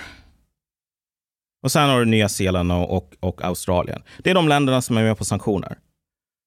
Så Indien, nej. Kina, nej. Mexiko, nej. Brasilien, nej. Typ alla länder i Sydamerika, nej. Uh, det är ganska många länder. Det är inte ett enda land, inklusive Israel, i Mellanöstern som är med på de här sanktionerna. Så liksom det här med att hela världen håller nu med om att typ invasion av länder är en red line. Nej. Uh, och som sagt, du vet, folk tyckte inte att det var bra att invadera länder på 1800-talet eller på 1900-talets början. Det, det är dåligt. Men du vet, man respekterar de här sakerna därför att problemet här är inte att du vet, det är elakt mot Ryssland och att sabotera sin egen kreditvärdighet. Skit väl fan i vad som händer med Ryssland. Men problemet är att när du väl börjar sabotera din egen kreditvärdighet, ehm, då är du, eh, för att använda en vetenskaplig term här, du är så jävla fucked om du är USA. USA har en 100 miljarder dollar i handelsunderskott när det gäller varor per månad. Det är en biljon kronor nästan i nuvarande växelkurs. I, I termer av liksom fysiska varor som de importerar. Som de skickar i utbyte papper där det står om du äger du det här pappret så kommer du få betalt. Och nu får inte ryssarna betalt för sina papper. Nej, och alltså så här, du vet, den största ägaren av liksom såna här uh, treasury notes, det är Kina. Kina är nummer ett på liksom listorna över andra länder som den här sortens drag kommer att drabba. I praktiken så har USA köpt en massa prylar på kredit av Kina. Ja, exakt. Och så sabbar de sin egen kreditvärdighet. Alltså du vet, USA utan, om, om de inte längre kan exportera papper, eh, som du vet folk inte använder för att papp, liksom, värdet i pappersmassan, liksom, utan för löftet som det här papper, pappret bara är en symbol för. Om de inte kan göra det, då måste de tillverka 100, en biljon kronor i månaden mer i brödrostar, telefoner, Snickers, liksom Nike-skor och så vidare inhemskt och skicka det till Sydkorea, Kina och så vidare. Det finns ingen chans. Det finns ingen chans. De kan inte göra det. Alltså, den, den, den närmaste alltså det närmaste exemplet på någonting som, som USA idag, det är typ Rom, de här stora städerna i liksom centrala italienska halvön. Så här, Rom som var en miljonstad och som, det fanns noll chans att bönderna i Italien skulle kunna förse Rom med mat. Utan det var Nordafrikas jobb. Sen så kommer det massor med pirater och invasioner och så vidare och, och liksom hela den här varukedjan kollapsar. Rom blir sen en stad på 10 000, liksom, mindre än Enköping äh, ganska snart. Äh, från att vara världens största stad. Därför att hoppsan, det fanns ingen mat längre. Um, en kollaps av det här eh, äh, handelsunderskottet för USA kommer att leda till en politisk och ekonomisk kollaps i USA som kommer att få Sovjetunionen att framstå som en picknick. På tal om mat, förutom att Egypten är världens största importör av vete, på den listan högt upp hittar du även Kina, Mm. du hittar Kanada, Mm. du hittar också Turkiet, ett NATO-land. Eh, De importerar svenskt vete faktiskt. Mm. vilka turkarna? Eh, eh, faktiskt till och med Egypten eh, säljs det svenskt vete. Italien importerar jättemycket vete från Sverige. Åh fan. Mm. Men när kommer den här kollapsen i USA att inträffa? Alltså, alltså den, vi, har, vi, vi har kommit mycket närmare den nu. I Därför like att, that Mustafa is treating Malcolm like an oracle. ja, nej, men, nej, men alltså, When is the US collapsing by the way? Han förutspådde ju att ryssarna vann kriget efter en vecka. Så vi ska lyssna på nästa förutsägelse. Okej. nej, nej, men alltså, du vet, fine. Nej, men det här kommer inte att hända. Allt är så jävla chill just nu. Det är bara, bara att trycka på snusknappen. Men här kommer jag med en felaktig liksom, observation helt enkelt. En total som man bara kan ignorera. Um, vilket är att vi har kommit mycket närmare liksom, den stunden. Och när man pratar med så här, ekonomer och liksom, andra människor med, med eh, tveksam intelligens. Um, så här, vad, vad folk säger då är så här, du vet, Kina är den största ägaren av uh, såna här treasury notes. Och du vet, de skulle aldrig avyttra de här sakerna därför att då skulle de kollapsa i värde när man försöker sälja av dem och det skulle krascha den kinesiska ekonomin.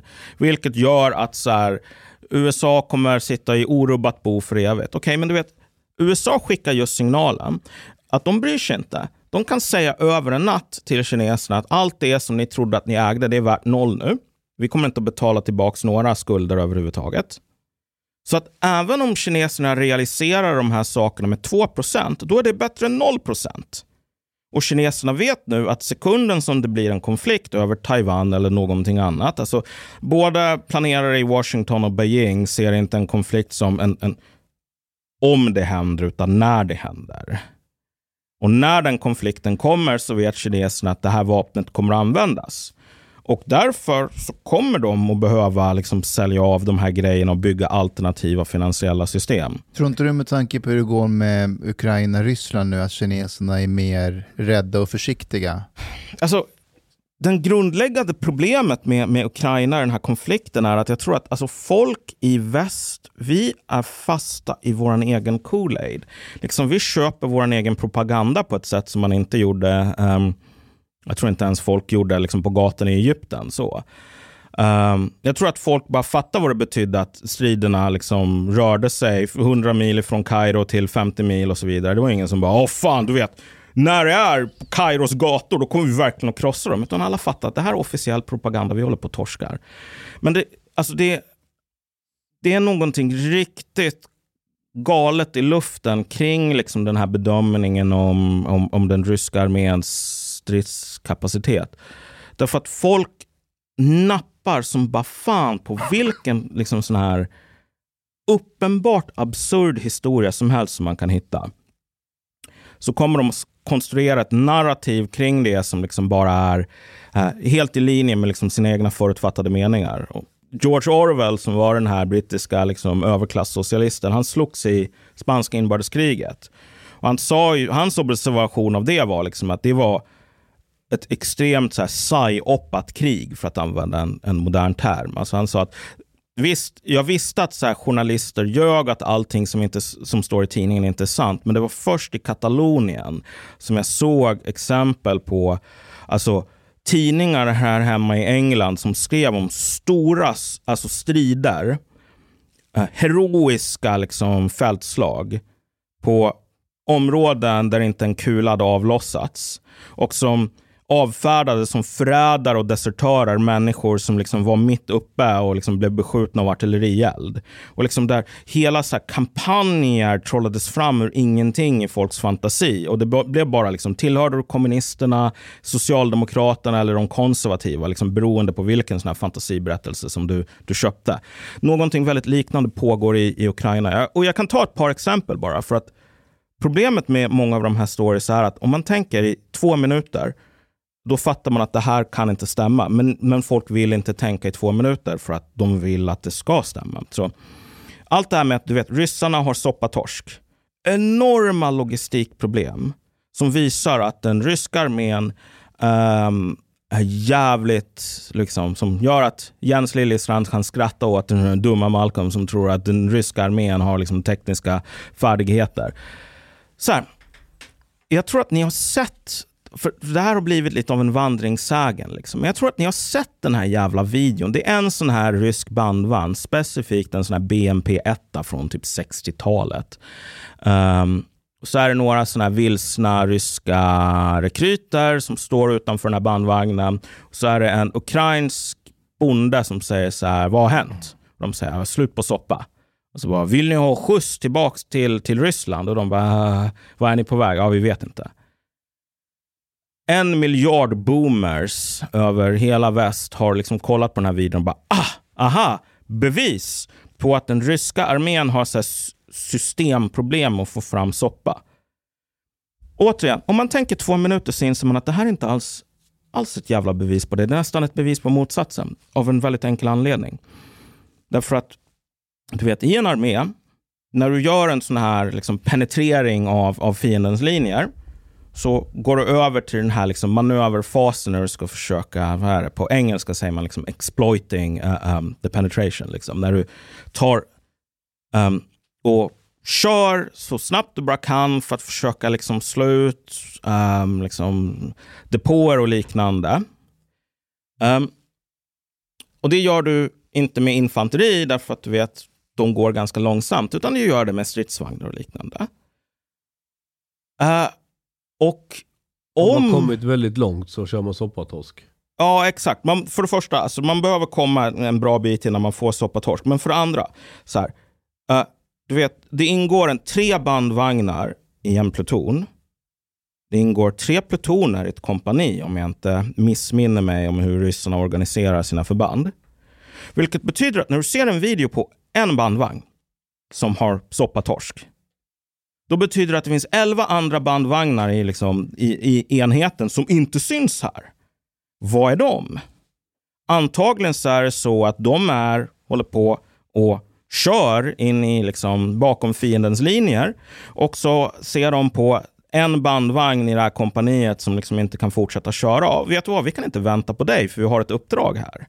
Alltså, när en militär får slut på eh, soppa, vilket vi har ganska bra bevis på, det är bara att kolla på hur det såg ut, läsa krigsdagböcker från andra världskriget. Vet. Om ett pansardivision har slut på bränsle, då är det inte så att bara vi, Hans, här har vi 12 stridsvagnar. Tanka 11 av dem med fullt och så tankar du den 12 med 10 procent så att den får soppatorsk efter att vi har kört i 10 minuter. Nej, uh, ledningen för militären säger så här, så här mycket bränsle har vi och om enheter, liksom, stridsvagnar ska stanna, då är du liksom på kompaninivå. Så att folk tar ett exempel på eh, liksom, en enskild grej där militären uppenbarligen, uppenbarligen inte har sagt så här, vi har slut på bränsle, nu måste den här enheten stanna kvar tills vi kan komma med mer, liksom, eh, um, mer bränsle, liksom, truckar. Och så tar de det som ett bevis på att du vet, ryssarna de är liksom inkompetenta babianer. Men det är ju inte bara den filmen som ligger ute. Det finns ju jättemånga filmer och bilder på övergivna ja, men mekaniserade enheter. Från Uh, ryssarna. övergivna mekaniserade enheter, menar du alltså? Pansarvagnar, eh, lastbilar, Stridsvagnar. Ja, stridsvagnar. men då, då ställer jag frågan, när du säger enheter, menar du enskilda fordon? Enskilda eller typ fordon, två? enskilda Exakt. fordon. Det är inte en enhet. Fordon är inte autonoma. De ingår i eh, liksom plutoner, kompanier och så vidare. Vilket betyder att om du ska se övergivna alltså logistikproblem på, på liksom stor nivå, det som man liksom med bränsle, då är det 12 stycken på en gång, eller fler. Det är inte än, därför att normalt sett, och det här sker, alltså det här sker ju när amerikanerna rycker fram i, i, i liksom Desert Storm.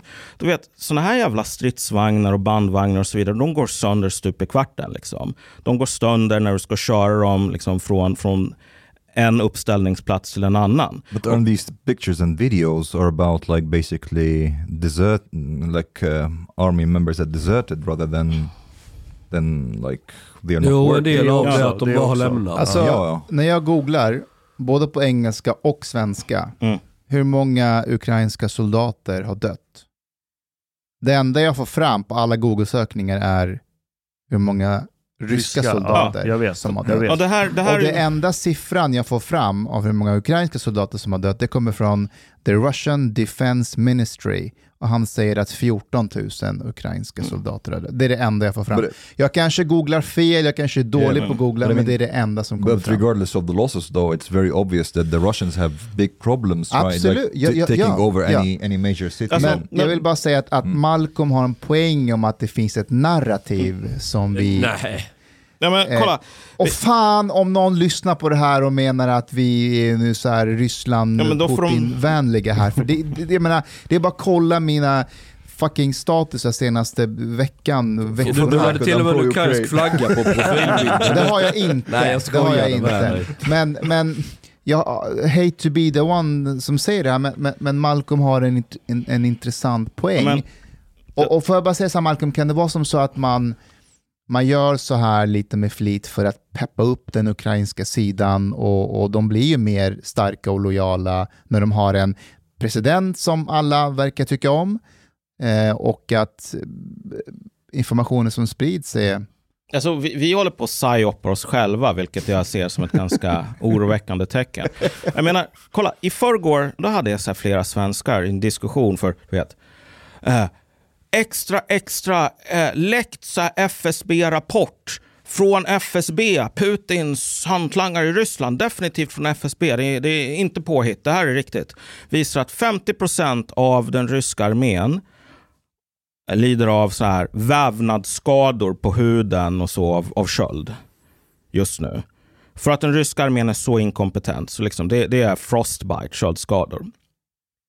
Och så tänkte jag så här. Okej, okay, det här låter kanske inte li- riktigt trovärdigt. Så jag kollar temperaturerna. Det är så här. Lägsta nivån, vilket är en timme under natten. Minus en grad Celsius. Högsta nivån 13 grader runt lunch. Och då tänker jag så här. Okej, okay, köldskador vid minus en grad. Det här, och du vet, hälften av den ryska armén har så här, du vet, liksom fingertoppar och så vidare faller av. Så.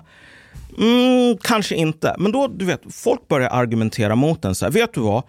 Vid vindar så känns det mycket kallare än vad kanske temperatur en, en, en termometer visar. Och bara, ja, vid orkanvindar kanske. Liksom. Um, men det är bara så. Och du vet, den ryska armén är extremt inkompetent. Du kan inte säga att det här inte är en autentisk rapport därför att liksom det är så här. Ja, vet du vad? En vanlig armé skulle kunna klara sig, du vet, minus noll grader utan att dö av kyla möjligtvis. Men det är den ryska armén och den är unikt dålig. Och sen bara, jo fast köldskador, alltså du kan bli förkyld, du kan få sån här hypotermia, liksom sänkt kroppstemperatur om du är ute vid minus ett och inte har skydd. Men alltså du vet att, att fingrarna ska bli svarta och börja falla av, det kräver åtminstone fem minusgrader rent liksom fysiskt. De bara, ja men du har inget bevis på att det inte är orkanvindar och de är inte ute i dem eller typ att de, jag vet inte, rullar runt i så här iskallt vatten så att liksom skynda på det här. Och du vet, här är grejen så här, du vet inte vad minus en grad gör. Och jag bara, vet du vad, vi båda bor i Sverige. Det var fucking minus en grad när jag var ute och typ gick och köpte en Red Bull mitt i natten. för ingen anledning alls. Det är inte så att jag bara oj nej, nu, nu, nu kommer köldskadorna här. Vi skickar ut våra barn, liksom dagisutflykter i liksom minus fem grader och det är inte så att öronen blir svarta av att de är ute och åker pulka en dag. Malcolm, given the internet and globalization and so on, don't we actually have to psyop ourselves? Jo. For, jo. for the psyops to work at all? Jo. Nej men alltså kolla så här. Bara liksom för att folk har en referensram. Uh, vintern 41, 1941 var liksom en av de kallaste vintrarna typ på 1900-talet. Uh, eh, det var temperaturer mellan minus 30 och minus 40 grader utanför uh, Moskva. När du hade um, Eh, liksom, tyska armén där. De, de hade inte 50 procents skördskador. De kanske hade en 25-35, någonting sådant. Maybe it's an exaggerated size. Så, så, så, när folk börjar säga så här på fullaste allvar att du vet den här rapporten som är 100% sann från FSB själva. Liksom. Det är Putins rådgivare som säger det här att armén kollapsar på grund av att hälften kan inte avfyra ett vapen för deras fingrar faller av. Min plus 12 grader på dagen. Medan så här, vi vet att du får inte 50 procent och den, den tyska armén var inte superförberedd på kylan, det, det, det sa den själv. Men liksom, de hade inte 50 procent, minus 30. Men, men grejen här, min poäng är inte att argumentera för eller emot, utan sen bara visa att när folk är beroende emotionellt av att de måste säga, men vet du vad, om du ger mig riktigt långt försprång så kan jag konstruera ett scenario i skallen där det här är möjligt. Snarare än att bara acceptera att, och vet du vad, om det är plus 12 på dagen, då kanske man inte dör av kölden. Liksom. Att det visar på någonting riktigt farligt faktiskt. Alltså det är, det, det, det liksom, vi såg det 2015 också. Du kunde visa bilder på 60-åriga män och bara, är det här en 14-årig kille. Och folk bara, ja, det kan det visst vara. Mm. Därför att vet, vad hände om de sa, nej jag tror inte det. Vad hände om du sa det 2015? Fast alltså, men vänta. Du, bara för att du sa att det var som kallast, vad var det? Minus? Minus en grad på natten. Ja, men om det är minus en grad och tillräckligt hög vindstyrka så motsvarar ju det kanske minus 20 grader eh, mot huden. Du kan faktiskt få köldskador vid allt som är under minus 0,5 grader beroende på vindstyrka. Exakt. Men har, har du hört någonting om så här kategori 5 orkaner i Ukraina på sistone tiden? För om du kollar på en sån där tabell, alltså det är typ orkannivå för att du ska få liksom riktigt kallt. Eh, Och vad händer om ryssen stoppar in händerna i fickorna? ja, De har, typ. de har inga Alltså, du, fickor. be- du, Alltså, behöver vindstyrka, har- du behöver vindstyrka på 6 meter per sekund för att minus en grad ska kunna ge köldskada. sex meter per sekund. Ja, Det är rätt mycket. 6 meter per sekund Ja, är det. ja det är det. Men det är inte orkan. Nej, men det är... Nej, det är det inte. Men, men sex meter... Du får fan ta och visa mig den där, för det men, där... då, men det blåser alltså. Då blåser det rätt okej. sex Är det, är det 4chan eller Flashback? Alltså just nu är den 4 meter per sekund i Stockholm, vindstyrkan. Ja, men det har blåst lite igår och idag. Ja, alltså sex, så det- det är inte då känner man alltså sex meter per sekund, då känner man att det blåser. But that's not a storm. Okej, Ja, okej, jag, men- har- Nej. jag, jag har en fråga till alla här. Det här, som, det här narrativet du pratar om och att vi typ är emo- emotionellt investerade på, att, på, på en viss narrativ. Ehm, vad händer om Ryssland lyckas med invasionen helt och tar över, griper Zelensky, till och med avrättar honom kanske. Vad, hur kommer väst att reagera? Det här är en fråga till alla. Chang. Vi kommer fördöma som fan och sen köpa olja för att rädda vår ekonomi. Det tror jag med. Okej, Well, I, I think I don't know. um, I don't know about killing Zelensky, but uh, Okej, griper I- I- honom och... yeah, but I think I think there could. I don't know if I'm naive, but there there could be a red line to how much, like, if Russia would go full on genocide with like chemical and biological weapons, for example. Det är en annan sak. Uh, Ja, det gör de inte.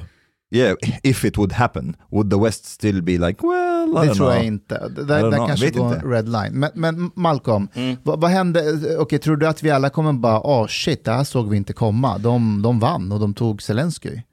Alltså jag vet inte. Det, det stora problemet just nu är ju typ att om du kollar på politiken kring det här med red lines och allting sånt där.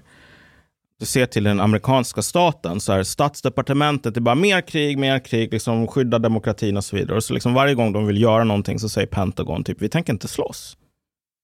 Det finns fucking noll chans att vi kommer att skicka över någon jävla MIG-plan från Ramstein eller liksom göra någonting. Vi vill inte slåss mot ryssen därför att så här, det verkar som om generalerna typ fattar ganska väl. Alltså de, kör, de köper inte alla dessa psyops liksom. Um, så att alltså, jag tror att det kommer att bli jävligt mycket masshysteri i liksom allmänna medvetande. Fast alltså, de här grejerna kan hålla på att skifta så jävla snabbt. Kanske chansen större, du vet som med covid, där det är så att masker det är rasism. Så var det i USA. Sen är det så att om du inte har mask, då är du rasist. Då är du rasist. Liksom. Det, det, det skiftet skedde på en vecka. Alltså det blir samma grej att så här, alla börjar säga, vi har alltid vetat att det var så här. Vi visste alltid att den ryska armén inte var helt inkompetent. Det är ju helt absurt. Det är liksom den, den, den andra mäktigaste armén i världen. Liksom. Det är inte någon jävla bananrepublik fylld av liksom, så här, alkade grobianer. Jag tror att risken är antingen att folk bara blir helt jävla crazy eller så bara låtsas de som ingenting. Um, Chang, du, har- du har ju träffat ryska generaler. Nej, inte generaler. Ja, men du sa ju att de var lite alkoholiserade. De... Nej, men de är kvar i Sovjet. Många av dem. De, de är som Malcolm, de är fortfarande kvar i kalla kriget. det är fan inte jag som är kvar i kalla kriget, det är alla andra. Okay, Malcolm. Huh? Uh, when I scrolled like through your Facebook page, I saw that basically you're saying you were criticizing the idea that Putin is alone in this kind of like uh, um, in his will to like invade Ukraine or or in his fear of NATO, and that the whole political class in Russia, uh, NATO for them is is a threat, uh, and like Ukraine joining NATO is a red line. Um, but I mean, why is NATO in the Baltics not a red line, or is it? Is, is Russia? Do you think that Russia is actually is planning one day to maybe try to go into Estonia, Latvia, and Lithuania, for example? Alltså det är den... Det är absolut inte omöjligt på grund av att m- jag kommer inte ihåg om det är alla de baltiska staterna, i alla fall typ en eller två av dem som har väldigt stor rysk minoritet. Jag menar om man får idén då i huvudstaden och bara, "Ah, vet du vad, nu ska vi göra livet surt för de här. Alltså då beroende på det interna läget i Ryssland så kan de bli jävligt sura och bestämma sig för att göra någonting. Liksom. Eh, men alltså det var egentligen i teorin en red line med liksom Baltikum. Men du vet, ryssarna var för svaga. De var för svaga för att göra någonting. So maybe it is to the red line. I mean, Ja. maybe they will do something about it. Ja, det, det är inte helt omöjligt. Jag menar, alltså, är du, är du ett land på en miljon och du sitter bredvid ett land som Ryssland som är en historisk stormakt och som om man, om man mäter deras köpkraft i sin egen valuta snarare än dollar, vilket inte är värt mycket i Ryssland just nu. Ekonomi mindre som, som Italien eller Belgien, mer som Tyskland. Och Tyskland är inte ett litet icke-mäktigt land. Tyskland är liksom naturligt en, en, en stormakt. Så. Om, du, om du har en miljon invånare, alltså sorry, men du kommer att behöva, du kommer att behöva anpassa dig. Alltså, jag säger inte att det är någonting positivt eller att du borde, men det är liksom som att du är en fiskare och du har liksom tio flodhästar i den här floden. Om inte du anpassar dig till vad flodhästarna vill, då får du antingen ta en jävla elefantbössa, vilket ett land på en miljon inte har, eller så kommer de här jävla flodhästarna bestämma sig för att, ja vet du vad? Du visar inte nog med respekt. Dags att krossa dig till en pannkaka. Alltså, och, och ja, det suger så här, men det är precis så, så världen funkar. Men de så... anpassar sig till, till västvärlden, inte till Ryssland dock. This is what they have chosen. Ja, exakt. Och då är frågan hur mycket är eh, liksom, den västliga garantin värd? Ja. Om, vi vänd, om vi vänder på det då, för Ja. du, du sa så här, eh, Europas s- svar på den här konflikten, eller kriget, det är att vi, vi verkar inte veta vad vår endgame är, vad är det vi vill åstadkomma? Vad tror du Ryssland vill åstadkomma? Mm. Vad är Rysslands endgame? Vad är det de vill med det här egentligen? Är det att de bara vill ta tillbaks de här små områdena i Ukraina eh, som de claimar egentligen tillhör Ryssland, Krim, Donetsk och Luhansk är det väl? Och då they Eller är det att- Eastern Bloc basically. Exakt. Är det att de vill avancera och ta tillbaks alla baltstaterna och sätta upp en vägg mot NATO? Alltså, jag menar, givet att så här, i närtid, om du tänker dig, den, det finns få människor i Ryssland, tror jag, som bara idag, som har minnen av den tiden, som bara, fy fan vad jävla oproblematiskt Sovjetunionen var. Du vet, när vi styrde över Polen, det var aldrig några demonstrationer. Och liksom, det var aldrig folk som hela tiden stretade emot och gjorde uppror och försökte ta sig fria. Vi vill ha tillbaka de dagarna igen så att vi bara kan segla på liksom, utan huvudvärkar. Alltså, är Ryssland starkt nog även om de skulle vilja och kunna ha kontroll på de här länderna? Alltså, jag tvivlar väldigt. det kanske- But what were they folket- doing in Ukraine though? What's the end game in Ukraine? Alltså, det är väl... Det är väl alltså, nu, det här kanske... Kärnan i Sovjet, eh, det var ju Vitryssland, Ukraina och Ryssland. Mm. Sen ingick ju stanländerna, Kazakstan, Uzbekistan och de här. Polen var ju aldrig en del av Sovjet, den var satellitstat. Eller, det, det var Warszawapakten och Ja. lite annat skit. Vad vill Putin? För det är skillnad på det du säger att folket kanske minns Sovjetunionen på ett annat sätt. Men vad vill, vad vill Putin? Vad är hans endgame? Han vill Jag- återupprätta Sovjet. Jag, jag gillar inte att tala om Putin här därför att alltså, För han är inte här och kan... Nej, utan det är mer så här att den, den relevanta frågan är vad den ryska staten vill. Putin kommer inte att sitta kvar så himla länge till av liksom rent... Okay, Naturliga fine. What skäl. does the Russian state want?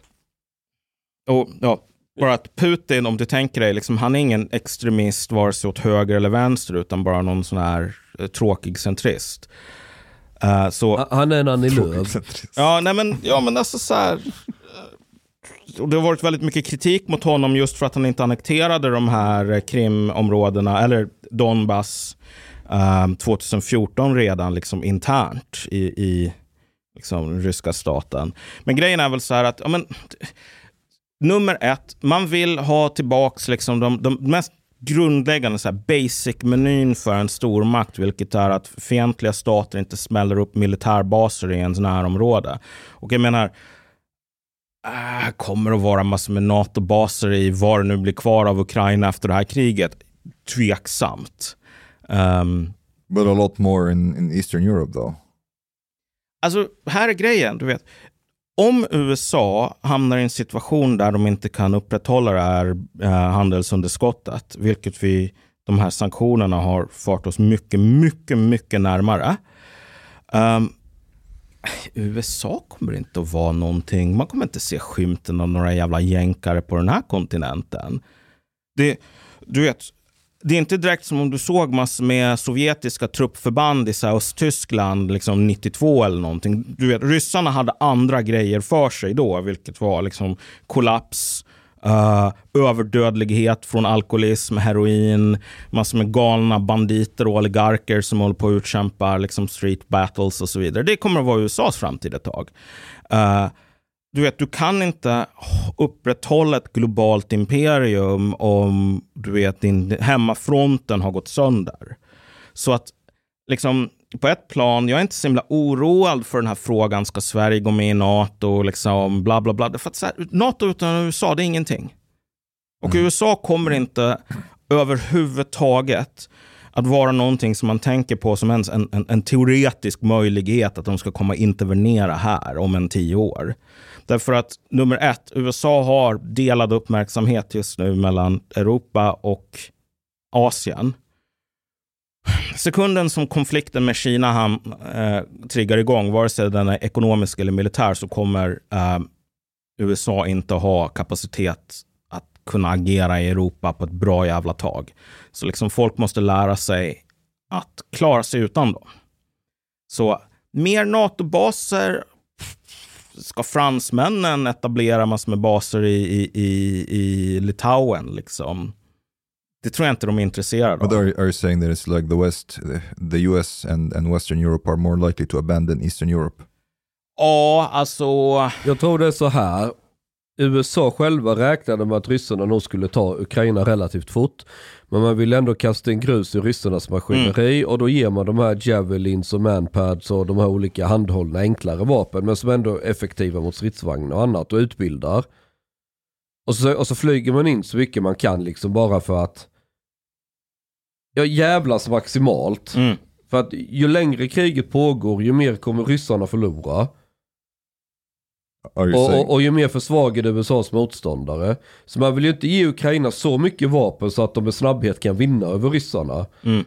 Men man vill ändå hålla, man vill hålla igång kriget så långt som möjligt. Så man brukar prata om quagmire, alltså kvicksand. But why wouldn't the US want Ukraine to win the war? Alltså fort. Ja men USA skiter väl i Ukraina. Det USA vill det att ryssarna ska, ska paja, fucka upp så mycket som möjligt av sin militär. Och varför skulle inte det i sin tur, Malcolm, när du säger att man ska glömma bort USA som stormakt inom en snar framtid. Om U- eh, Ryssland går ju nu på knäna, är rätt lamslagna. Eh, Okej visst, de har kärnvapen och de Ja, kan... de fuck- går inte på knäna ryssarna. ja, men Mm. Ekonomin och landet. Ja, det beror på hur du mäter Fan, det är ju fan ekonomi. matköer. Ja, fast alltså... Är det det i Ryssland? Nej, Efter socker är det ju. Ja, ja. ja, nej men alltså Ja, det... det är väl det- bara för att alla vill köpa socker Ja. samtidigt. Jag menar, det, det, vi, det är man ju kan inte väl... för att det, att det helt plötsligt produceras mindre socker. Ja. Ja, men vi, hade ju, vi hade ju slut på toapapper under covid. Eh, Liksom, ja, under alla lång fick panik tid. Alla efter det. höll på att Ja. slogs om det. Inte nödvändigtvis en permanent indikator på liksom, kollaps så. Utan det verkar finnas ett par sådana där varor som liksom folk eh, liksom blir paranoida om. Som biljetter Men- till sista måltiden live och sånt där. exakt, exakt. 18 juni. Det är nästan slutsålt. Ja. Men, men om ni tänker er, alltså så här, det, det som du sa här Mustafa, liksom den, den ryska ekonomin. Alltså det här är det som är det stora problemet just nu. Att, alltså det går inte bra för den ryska ekonomin. Det är ingen som kan påstå med, liksom, utan att ljuga. Men återigen, man får ha lite perspektiv. Alltså så här, samtidigt som den ryska börsen har varit nedstängd i typ ett tag, fler, mer än en vecka. Och sen så liksom startar de upp den och så har de liksom massor med så här så att den inte ska gå ner mer. Och det är liksom massor med specialregler och så vidare. Du vet, metallbörsen i London har slutat funka. Så här, den här... Um, LME, eller med London Metals Metal Exchange. Exchange. Du vet, de, Varför det? därför att ekonomin har kukat ur. Därför att så här, Det var då slutat funka. så här, kolla. de öppnar LME. Och sen så visar det sig att liksom så här, metallpriserna skjuter i höjden så högt så att liksom alla de här, ehm, vad heter det på svenska, liksom short selling? När man blankar s- liksom, order och så vidare. Alla de människorna som har Alltså att du blankat. bettar på att, det, På att det ska priset gå ska gå upp Ja. eller Ja, ner. de går bankrutt. Ja, precis. Så då är det så att liksom London Metals Exchange öppnar så här mm, två timmar och sen bara upp, hoppsan, alla stora spelare är nu liksom konkursmässiga. Så vi stänger ner metallbörsen och så säger vi att alla köp och säljorder eh, senaste två timmarna vi var öppna, de gäller inte längre och vi kommer att starta liksom metallhandeln om ett par dagar. Och så gör de det och så händer samma sak igen. Så att alltså så här, du vet, metaller jag vet inte, det här kanske kommer som en chock till, till alla moderater som lyssnar på det här. Men, men Inte för mig metaller är en ganska viktig del av en industriell ekonomi. När du har en... Kan, vi eh, inte, kan vi inte använda trä? Ja, jo, precis. Ja, men det är, liksom, det är exakt vad Miljöpartiet frågade när, när liksom cementgrejen var en grej. Liksom, vad fan är problemet? Kan man inte bara använda trä istället? Eh, men när vi i väst inte längre kan köpa och sälja metaller i princip, vad, vad betyder det? Jo, det betyder att människor som liksom tillverkar, som behöver metaller av olika anledningar kommer att få ett helsikes jävla jobb att försöka upprätt, liksom hålla fabrikerna öppna. Du vet folk som tillverkar kastruller, folk som tillverkar cyklar, folk som tillverkar bilar, lastbilar, reservdelar till sådant, folk som tillverkar jag vet inte vad. Eh, Allting som gör att vi inte svälter ihjäl i ett kallt dike imorgon. But it's uh, nickel actually nickel futures have been like skyrocketing Ja. recently. And I think it's like it has been going up by it has went up by more than 50% I think. Shit. Ja, alltså och priset på konstgödsel har alltså exploderat från med liksom mer än 1000 procent. Liksom, om du ska försöka köpa konstgödsel just nu. Från ett och ett halvt år sedan. Det här är den nivån ungefär, alltså vi börjar nå nivån av ekonomisk stress i västvärlden.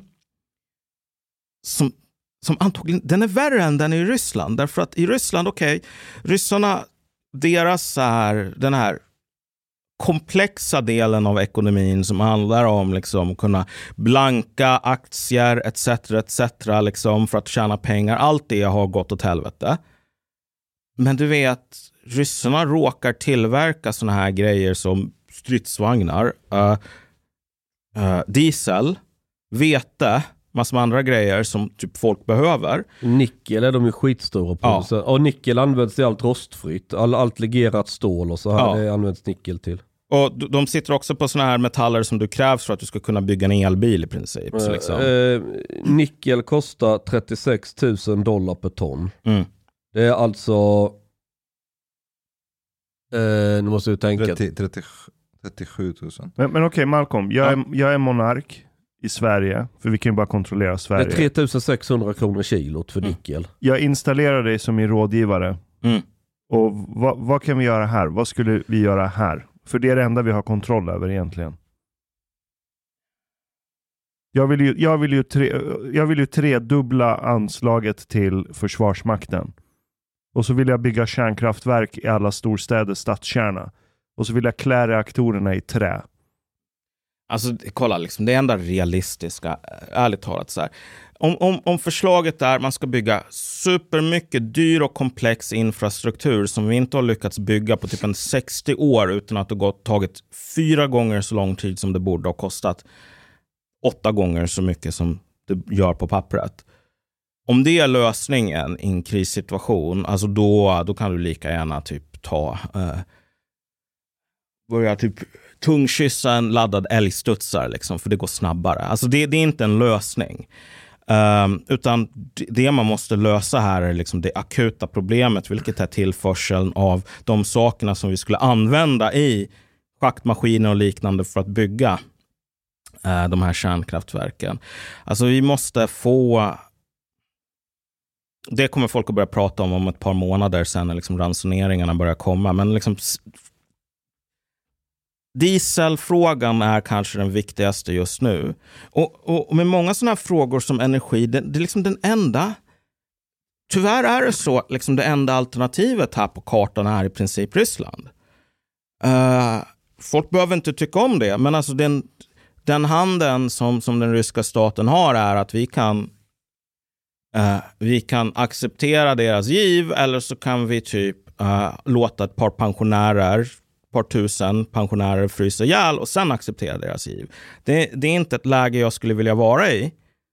Och om folk hade gjort något åt det 2014 kanske vi inte skulle ha varit där. Men så här, man måste vara realistisk här med att liksom, den här konfrontativa linjen som låtsas som att våra ekonomiska problem nu inte är extremt akuta för att folk inte riktigt märker av det ännu. Um, alltså, 26 procents PPI-inflation i Tyskland, det här är ex du kan inte ha ett civiliserat samhälle där. Utan du måste, det här kriget måste få ett slut. Um, och de här sanktionerna som, som, som får sin udd av att vi avskaffar den här liksom respekten för äganderätt och så vidare, de måste fan också avvecklas. Därför att de gör bara mer skada än nytta för oss. Du har ju pratat en del tidigare om att Sverige i framtiden kommer att uppleva etniska konflikter. Mm. Eh, då tänkte jag fråga dig, hur kommer de här konflikterna att intensifieras i framtiden när vi inom tre månader kommer att ta emot 200 000 ukrainska flyktingar som kanske kommer att placeras i de områdena. Och jag kanske är fördomsfull här nu, men ukrainare tror inte jag ser muslimer och araber som brothers och sisters from another mother. Mm. Va? Eh, hur, hur kommer det här, vad är det för samhälle vi har framför oss i Sverige i framtiden? Alltså den här responsen kring liksom flyktingarna, det här med att jävla Anders Borg-attityden i princip. Så här, Tack Mr Putin, du jämnar Mariupol med marken och vi får hundratusen till. Liksom. Tack så mycket. Uh, liksom den här halleluja-stämningen kring att ta emot flyktingar, det är verkligen bara 2015 all over again. Vem, vem har gjort så att det blivit så? Om, om du skulle nämna några på högersidan. Kanske på uh, Alltså det är väl ingen det här som, bordet. Det är väl ingen specifik... Ja, just det. Precis. Nej men alltså så här, jag menar kolla. så glad. Vad glad han är. Jag, jag, jag försöker väl att kompartmentalisera liksom så här mina tankar kring Chang mycket. Men, men om jag ska vara diplomatisk här så kan jag säga att Chang är. Chang är den personen som skulle typ Tänk dig så här Mad Max eller någonting. Eller så här, Romarriket 380 efter Kristus. Liksom. Du kan dumpa Chang Frick där och han kommer att ha någon sån jävla uh, business med att sko eh, liksom visigoternas hästar eller någonting. Han kommer att klara sig skitbra. Så liksom, ju mer kaos och ju mer Sverige faller sönder, alltså desto nöjdare kommer han att bli. Um, så liksom det, det är helt logiskt att kamrat Chang beter sig som han gör här. Men tyvärr så har kanske inte den, den, den gemene svensken alltid samma sorts eh, kattens eller kackerlackans liksom instinkt för överlevnad. Så, så här att ta emot typ en kvarts miljon flyktingar och nu har vi alla de här berättelserna liksom om, ja vet du vad, men det är kvinnor och barn och det är jättebra. Och sen bara, nej det är inte superbra för kvinnor och barn, det är, det är normalt sett inte grupper som betalar för sig själva på kort sikt. Så liksom rent välfärdsmässigt så är det inte superbra. Rent välfärdsmässigt så vill man ha män i vad menar du med att ålder. barn fattiga, men vad menar du med att kvinnor inte betalar för sig själva? Om de är mammor. Ja. Alltså, vi har jättemånga incels i det här landet. Och jag har faktiskt skrivit en lång artikel om det i Fokus. Och jag vill göra någonting åt detta. Så Det är all... det här du blev anklagad för av de där kvinnorna i GP. Vadå? Att du... Du sexualiserar Ja. flyktingkrisen. Det är precis det du gör nu.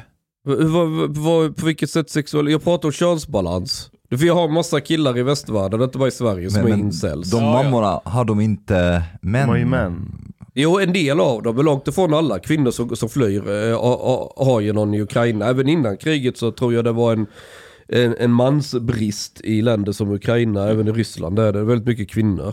Malcolm, vad händer med, eh, när det bara är bara kvinnor och barn och de behöver hjälp, Eh, vad händer när en ung man kommer till Sverige eh, i, i låg ålder och har krig i huvudet, vars pappa är borta och lever upp i en, i en förort med en ensam mamma? Hur brukar Alltså, det se ut? Ja, jo, det, det, kommer att bli, det kommer att bli, alltså vad heter han nu? För detta polischefen får väl gå och dela ut lite så här tafsa inte armband eller någonting, se om de hjälper. Det finns sådana problem, ja, men sen är det också så här att vad fan, alltså männen kommer ju komma. Sverige är inte direkt någon sån här liksom fästning i Europa där när folk säger så här, ja ah, vet du vad, nu har vi tagit emot nog, att det faktiskt följs sen. Så att alltså, så här, ja, anhöriginvandring kommer att fortsätta, liksom, det är bara jävla cope det här med... Det är ja, men- blågul invandring. Va? Det är blågul invandring. Alltså, det där är också en sån här cope. Jag menar, jag har fan bott i det här landet sen jag kravlade ur min mammas mage i liksom Ålidshem församling uppe i Norrland för 34 år sedan. 2022 är den första gången någonsin jag hört folk snacka om så här Ukraina som någon broderfolk. Det är helt absurt. Det är så här, inte samma alfabet, inte samma kulturgrupp, inte samma religiösa tro. Alltså inte samma plats överhuvudtaget på så här World Value Survey. och. Nej, de ligger längst till vänster fast högre upp. Så de är väldigt sekulära men väldigt kollektivistiska. Alltså eh, låg tillit till stat. Låg, Ja. låg tillit. De har lågt till Och det är därför han är så... Åh, Nej, du är så så äcklig. Ja, men vet du, jag, jag tror faktiskt det är den, på, så här, om man ska bara vara krass eh, och strunta i människovärdet och det när det är krig. Ja, jag fattar, det finns en humanitär aspekt av det. Men om det är någonting Sverige behöver så behöver Sverige en infusion av människor Som som, inte inte, har en kultur och historia av en total centraliserad statsmakt. Yes. Är det- är Sweden needs no också, influx Malcolm? of people. Nej, nej, men jag, jag åkte med en polsk chaufför hem igår från Arlanda. Och så började vi snacka och direkt kom vi in på Putin och så här.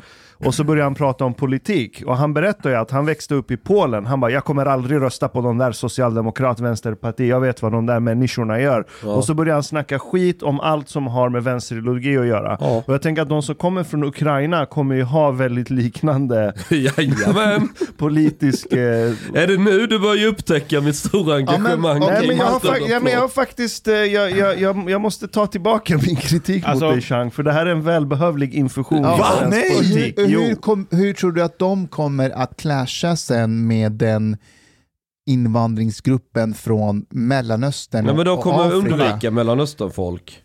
Det är kvinnor och barn, De de, kommer vill inte bo bli i samma, våldtagna. ba- i samma områden. Nej, de kommer, nej nej nej, nej. Ukra- till skill- så är det så här. Du vet den här white flight grejen, du har, en, du har ett kvarter och det bor du 100% etniska svenskar. Och sen så flyttar det in ungefär 5% babbar, då börjar ju svenskarna dra därifrån och så tas det successivt över av babbarna. Det är så det brukar se ut, är, det inte någonting sånt? Jo, 4 Ja. procent. Ja, men om det kommer in 4-5% ukrainare så märker inte folk skillnad. Kulturellt. Nej, det, skillnaden, skillnaden är inte så pass stor att folk börjar flytta på sig för att eh, du bor granne med någon från Ukraina. Jag, jag måste heller. verkligen säga en sak här. Och jag, blir alltså, jag blir extremt tveksam när jag, tveksam när jag har en diskussion med, på premisserna så här. Det som Sverige behöver är att man tar in människor från andra länder så att Sverige kan sluta vara på det eller det sättet. Om det finns någon sån här... ehm, Men valboskap är taktiken sedan 25 år tillbaka i det här landet. Nu är det dags att högern kommer in i matchen. alltså, så här, rent konkret, det här är kanske... något- Varför tror du poäng, är här? Tror du det är för att sossarna... Det är för att de förväntar sig att han ska rösta Ja. på dem. Alltså, vet du vad? Om högern består, sista kollade, av Sverigedemokraterna, Moderaterna, Kristdemokraterna och sen liksom Centern, Liberalerna, någon jävla edge case. Så här, om det är Sverigedemokraternas nya linje att det som Sverige behöver, det är att man tar in människor från ganska, alltså inte närliggande kulturer rent krast, så att Sverige kan vara mindre svenskt. Ja, Ukraina, Alltså, det är Ukraina, inte Socialdemokraternas valtaktik. Det är min valtaktik. Ja. Nej, Jimmy Åkesson, Ja. yesterday it was like he said that these people will not be integrated, they will go back as soon as possible. Ja, alltså det är ju så länge som hoppet lever så liksom.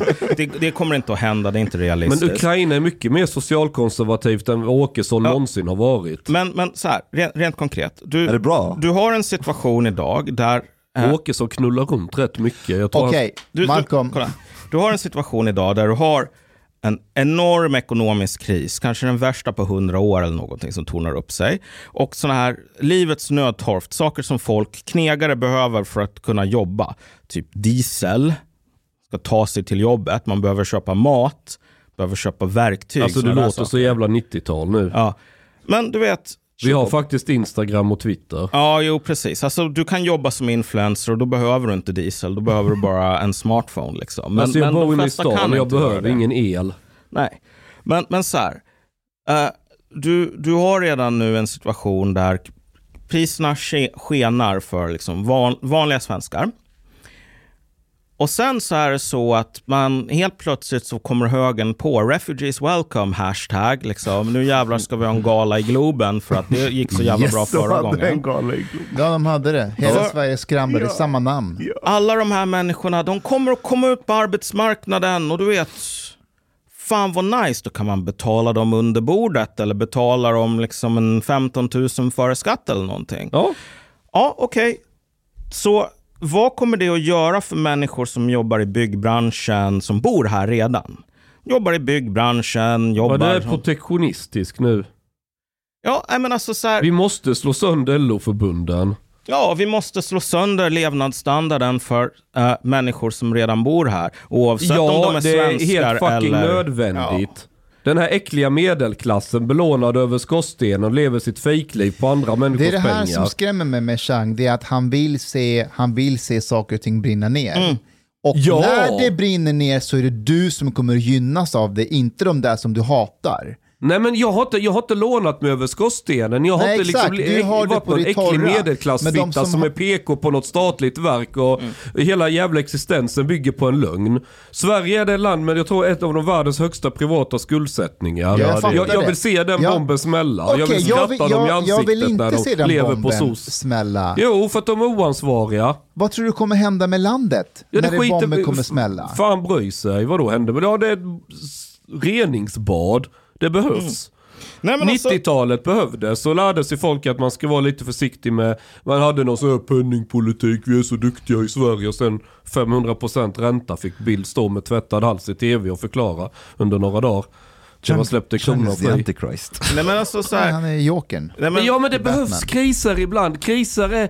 Det, det, när, när folk nyktrar till och vaknar, då, då blir de oftast bättre. Men när de lever i sin jävla illusion, och, pr- marknaden kommer alltid gå upp, det är bara låna och konsumera i all evighet. Nej, men, Den här gången alltså, är det du- annorlunda. Du, Chang har en poäng för att det, är, det finns en patologiskt övergödd övre medelklass och medelklass i det här landet som lever på en levnadsstandard som aldrig hade varit möjlig utan den här billiga krediten vi har haft i flera decennier nu. De inte on. Och ju längre den håller på desto större kommer smällen bli. Yeah, but, okay, okay, but at the same time, to like employ some kind of like destroy and rebuild strategy, there are like ways that are way less brutal than Ni låter this. som Tyler Durden i fucking Fight Club. Ja, men, ja, alltså nihilism alla... är fett farligt, men hur kan man få människor som bor i jättedyra fina lägenheter som de egentligen inte har råd med, man kommer ju aldrig kunna rationellt övertyga dem och sänka sin levnadsstandard. men alltså, kolla. Det här är redan inbakat i, i liksom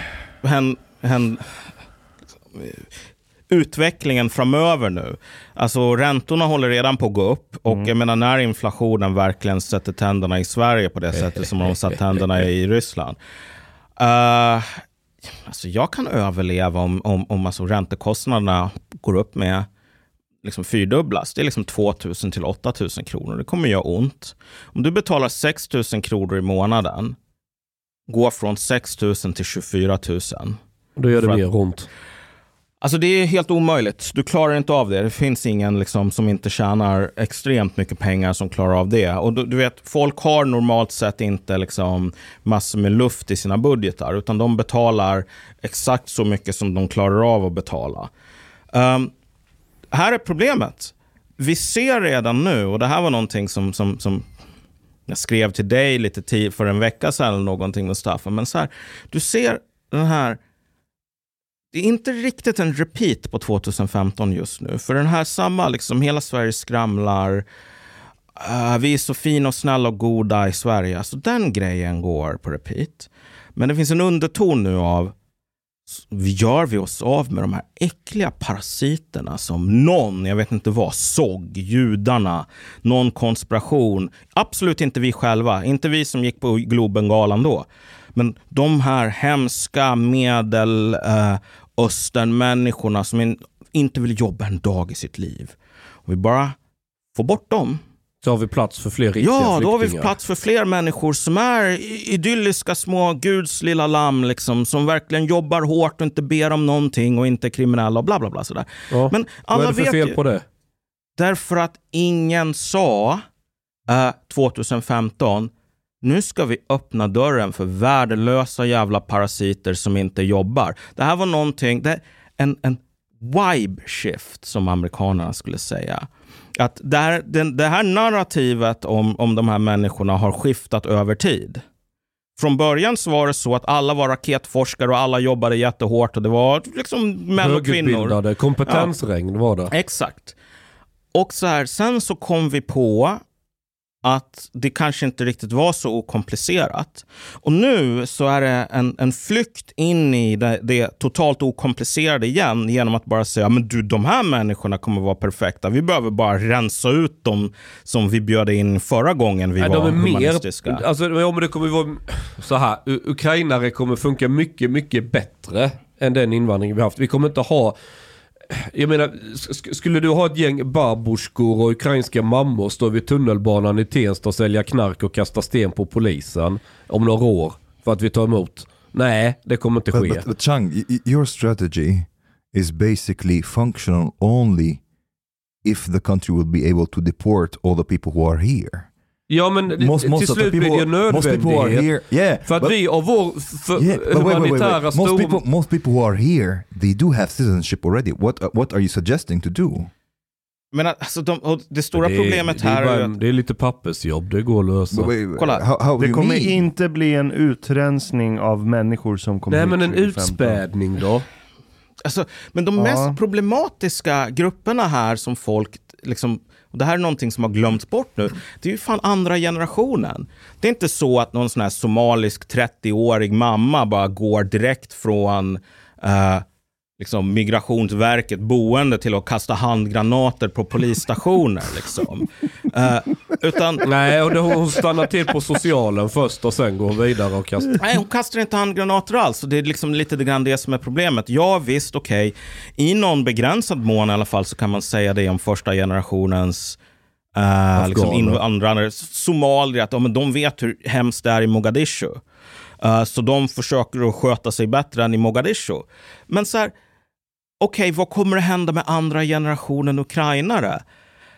Och, och återigen, mitt problem här är inte... Ja, nu- vi har, det, det är ju inte så att ukrainare aldrig har satt sin fot i Sverige innan. Det, vi har ju ganska... Ja, vi har ju en, såna här jävla uh, stöldligor som drar runt och är på besök. du tänker då på georgierna. Det är ukrainare också. Men okej, Ja, vä- vänta, vänta. det- Du, du, du säger ditt problem är... Mitt problem är bara så här att kolla. Jag är inte en person som har någonting emot i, i, i nödvändigtvis så här tala om repatriering av människor som liksom är så här, yrkeskriminella och får hur många chanser som helst. Okej, fine. Det är inte problematiskt det som, i, i det som jag ser just nu. Det problematiska här är den här flykten in i en jävla fabel som på något plan, alltså så här, okej, om du säger till medelklassen bara, Åh, vi bara rensar ut alla jävla somalier så kan vi ta emot ännu fler såna här perfekta änglar. Uh, och vi kommer inte att nämna att de människorna som vi tog emot, som vi nu ska rensa ut, vi kallar dem perfekta änglar också. Okej, kommer de här medelklassmänniskorna att göra någon jävla skillnad alls på typ somalier och eritreaner? Nej, de bryr sig inte. Det kommer bara vara, okej nu ska vi offra här flugornas herre för att blidka liksom gudarna. Uh, och för att må bra så att vi kan få någon sån här jävla katarsis i våran Globengala. Det spelar ingen roll om det, det är som afrikan som afrikan eller mellanöstern person som mellanöstern person. För att alltså, poängen är aldrig någon sån här fötterna på marken i realiteten, utan poängen är liksom någon jävla psykodrama. Ja men det är hela Sverige ett psykodrama. Ja. Och de här jävla ukrainarna kommer fan att rensas ut i nästa gång. Då kommer det vara någon annan grupp som är perfekt. Nej, för då-. Jo, det är det jag är rädd för. Nej. Det, jo, därför att... Det, det, Det är vi för att till skillnad från det- det- Babba från Mellanöstern så kommer men svenskar umgås med nu. Det vi- ukrainare. Det vi gör nu det är att vi sätter de ryska, f- eh, ukrainska flyktingarna på någon slags pedestal. Jag gör inte det. Okej, men... Jag säger bara att de kommer börja jobba och Ja, sköta sig efter Ja, ett tag. och, och det är en slags pedestal. Men Ja, så det är det. Oj, vilka- vilka nej, men- nej, nej, vi men har här. vänta, nej men vänta, sen när det visar sig att det inte kanske gick på det sättet som du beskriver, då tror jag att Malcolm har en poäng i att det kommer inte dröja länge innan vi ser dem också som någon slags parasiter. Så, vad, vad är Ukraina för ett land? Kolla. Ukraina är vad Donald Trump skulle i, en sån här trumpism skulle kalla för ett shithole country. Så här, Ukraina har ett eh, BNP, folk håller på att tala om så här, Ryssland som en bensinmack med kärnvapen. Så här, Ukrainas BNP Ja, den är pissliten.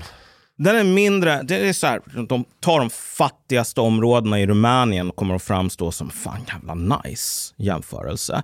Eh, Irak, som hamna under så här mördande sanktioner i liksom 15 år där en halv miljon barn dog av undernäring som en del av det här. Som Madeleine Albright som dog nyligen sa, ah, det prisvärt att betala liksom. Så när du har ett land där en halv miljon människor dör av undernäring, halv miljon barn, då tänker du inte så här ekonomisk superkraft. Eh, sen så blev det här landet fan bombat sönder och samman av amerikanerna med en jätteaggressiv bombningskampanj. Liksom de, de fällde ju typ mer bomber på en dag, eh, vilket folk håller på och skryter om idag av någon konstig anledning. Eh, mer bomber på en dag än ryssarna har fällt från sina plan under en månad krig i Ukraina, vilket är sant. Det var jävligt mycket bomber. Eh, bomber, eh, sönderbombade städer, det är inte heller så ekonomisk supermakt. Sen så, du vet, efter att jänkarna var klara med att invadera, då eh, släppte de lös ett helt psykotiskt inbördeskrig. Där du har såna här miliser som eh, um, klär ut sig som ambulanschaffisar, hämtar så här sårade människor, eh, kör dem till någon källare och tar såna här liksom borrar och borrar ut ögonen på dem och liksom sänder det. Liksom, så man, man skulle vara försiktig om man bodde i, i Bagdad eller Fallujah, vilken ambulans man hoppar in i kan man ju säga. Så liksom totalt psykotiskt inbördeskrig. Och sen kommer IS efter det. Eh, Irak har bruttonationalprodukt på 4 000 dollar per capita idag. Ukraina 2800. Så Alltså, när folk bara säger du det här, det är liksom... men det, det kommer att bli så jävla De har, Ja. ju, de, har ju, de har ju resurser som Ukraina inte har. Det, det är ju oljan som Ja. gör det ju. Alltså Ukraina har massor med jävla resurser. De har naturgas, de har vete, de har eh, alltså, fortfarande en del industri kvar. Alltså, den, den ryska bilindustrin är nu i kris för att de har Ja, förlagt... men om vi, Ja, om vi, tänk, om vi tänker mer än två minuter då, Mm. kring det här. Okej, siffran BNP Irak 4000 någonting per Mm. capita. Ukraina 2800. Vart skulle du vilja bo? Ukraina pre-invasion eller i Bagdad? Och varför? Ja. Uh, alltså, Ukraina fan. är asnice att bo i. Not anymore. Nej, Nej, pre-invasion. Pre-invasion. Men Odessa, Fallujah eller stad. Odessa? Vart hade du bosatt dig? Du hade bosatt dig i Odessa.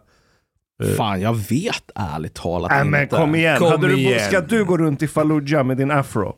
Alltså okej, Du kommer den, den, den, den rasismen är ju ett stort problem i Irak. Så liksom, men det har ju kanske inte så mycket att göra med...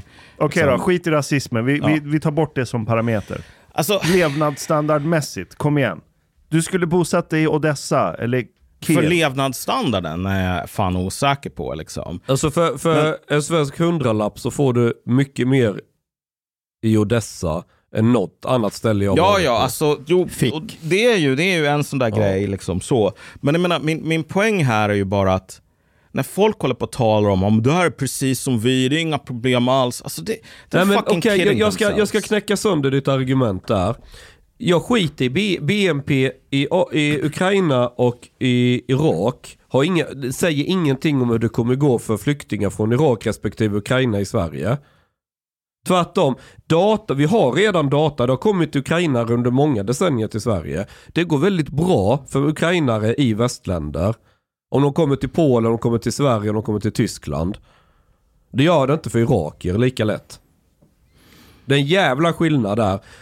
Det är som iranier. I, i, när iranier kommer till Sverige så de blir läkare, Det beror advokater och på allt vad vilka det är. iranier det Ja, är. Fast exakt. majoriteten. Det är en väl, det är väl, det, iranier som grupp är ju mer högutbildade än Ja, svenskar som grupp. Ja, Och men- det är andra generationens barnen också för den delen. Ja, all- alla får- alla var exil-iranier som kom. Ja.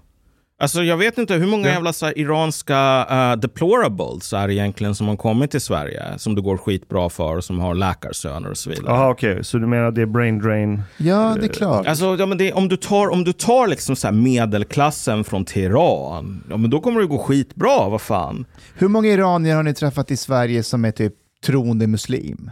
Nej men det är sant, det är sant. Det, du hittar knappt Ingenting. någon. Jag har knappt stött på någon. But wait, are, are you saying uh, there is a connection between Islam and, uh,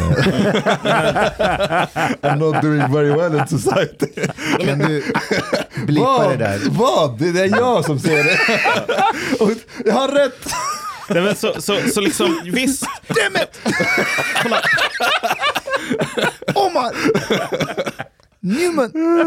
jag, jag, jag, jag är ändå benägen att möta dig halvvägs, Chang. Ja, det kan gå bättre än så här folk från Irak av olika så här, kulturella faktorer och så vidare. Men, men det här sker ändå i en situation där du har en extremt allvarlig ekonomisk kris och där Jo, mission accomplished. En annan, en annan aspekt som jag noterat. När jag tog mina båtflyktingar till Skokloster. Så, vi kan säga, om vi backar bandet 2015. Mina båtflyktingar. Då var, gick det rykten om att det kanske skulle bli ett litet boende där för, in, för flyktingar 2015. Det höll på att bli kölhalning där ute i Skokloster. Det var protestlistor. Folk liksom pro, gick man, alltså det var ett jävla liv mot han Fredrik von Essen som äger massa mark och grejer. Och han fick ju liksom lova att det inte skulle hända. Mm. Och så här. Nu när jag tagit hit från Ukraina. Så var halva bygden är där och går och fika och det blir det nya sociala hänget och folk, ingen jävel har gnällt. Tvärtom, alla är jättepositiva. Ja, och det där är det som verkligen uh, uh, gör mig extremt oroad. Därför att så här... Kolla. Om, om räntorna går upp med liksom en 300 procent. Den svenska, samma människor, samma fucking människor som höll på och du vet, refugees welcome och så vidare. ehm, 2015 har visat sig vara helt psykotiska när det gäller att skydda sina barn från att gå med i samma klass med massor med kaosbabbar.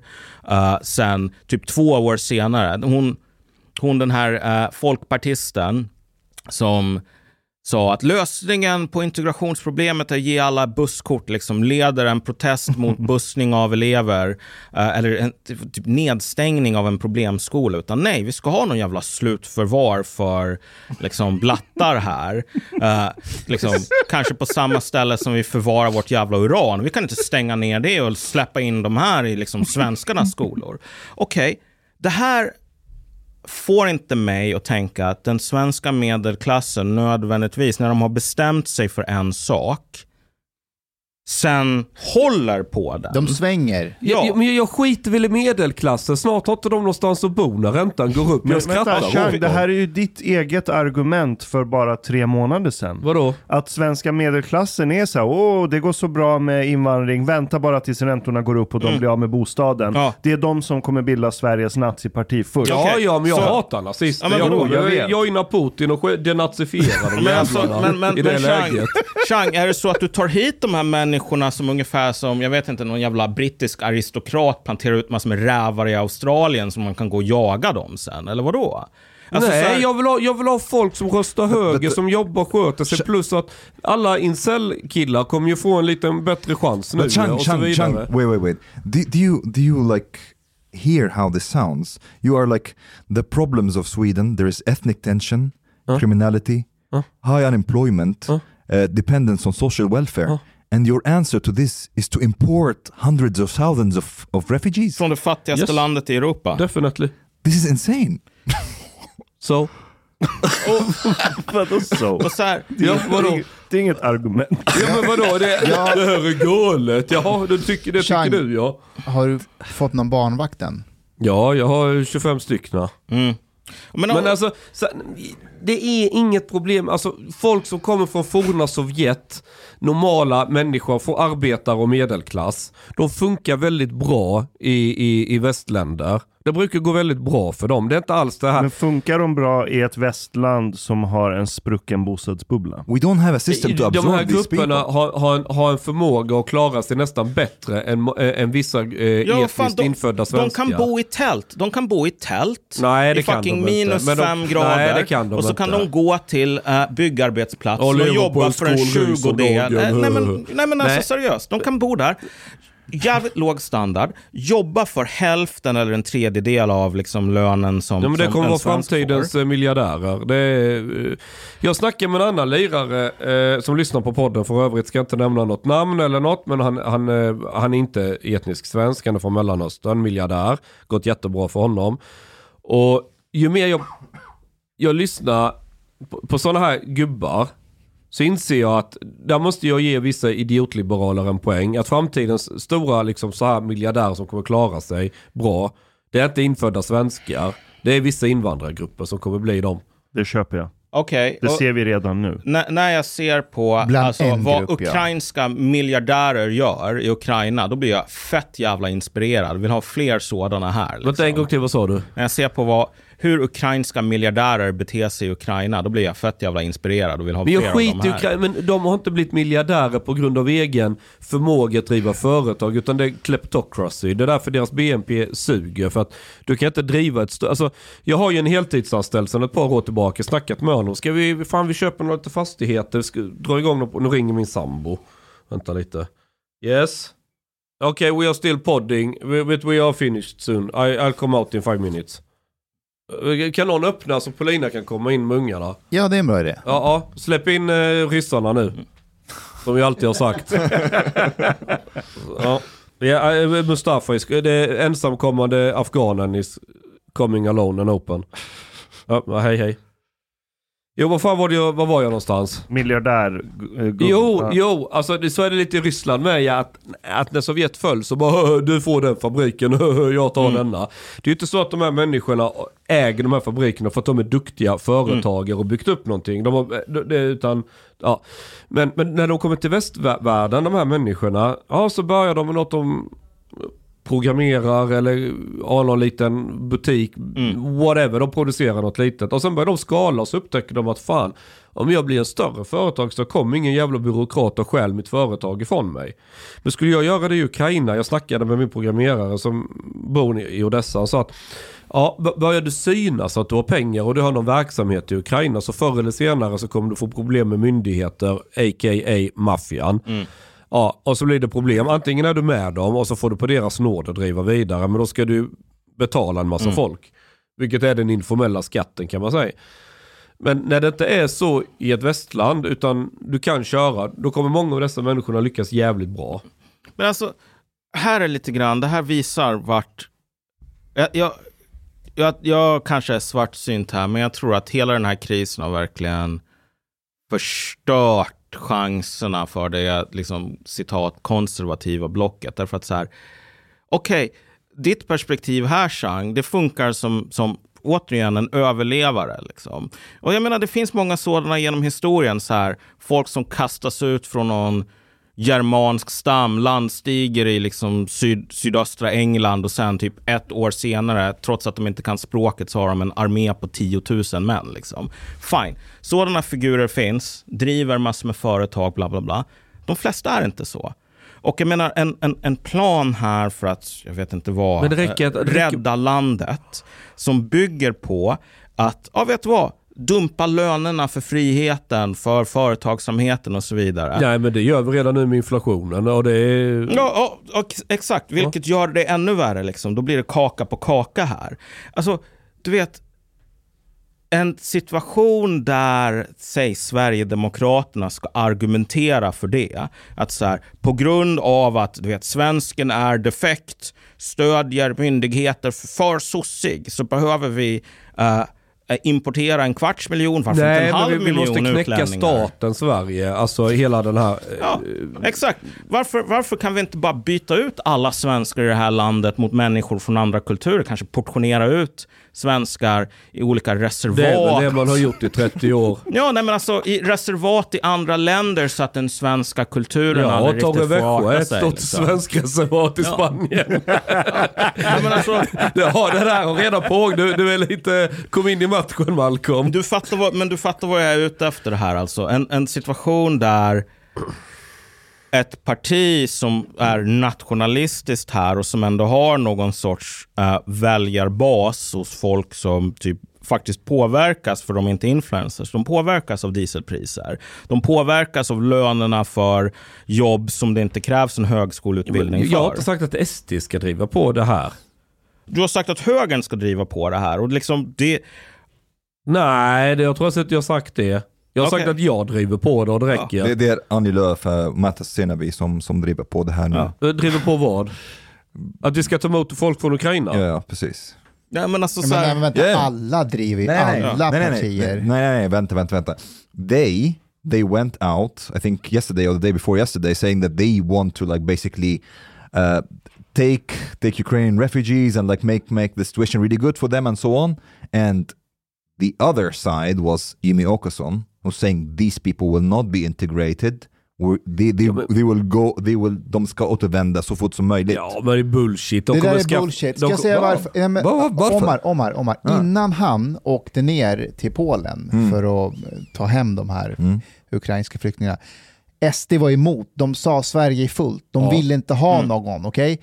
Sen har den här människan vänt till fucking opinionen i Sverige, så nu har SD gick från att eh, Sverige är fullt till att jo men de kan komma, de behöver hjälp i närområdet, de är riktiga flyktingar. Ja, nästa steg är Men de håller på att Vänta lite, vänta på lite. När Åkesson får träffa lite snygga, bystiga eh, ukrainskor så kommer han svänga hela vägen till nu ska svänga. de integreras. Mm, nej, När Åkesson har integrerat sig lite med några ukrainska damer, sen kommer Mm. han ändra uppfattning. Och det kommer krossa partiet liksom. Därför att så här, hela den här, ja vet du vad, alla Sverige, svenska incels kommer att få en statlig liksom gamer girlfriend. Det är bara bullshit. Och så här, demografin, visst det kanske kan bli en liten övervikt när all anhöriginvandring som ingen kommer att stoppa liksom är inräknat. Kanske det är liksom 0,2 procent mer kvinnor. Men det, kommer, det där kommer att jämna ut sig. Do you know what's your nightmare, Shang? What will happen? Nej. Russians and like Eastern European women in general and Arab men they get along very well. The, your your nightmare scenario would be like all these Ukrainian women coming here and hooking up with Arab men and maybe converting to Islam or something. Nej, det sker väldigt sällan. Nej. Inte, inte att, att ryska kvinnor konverterar till islam är väldigt sällsynt.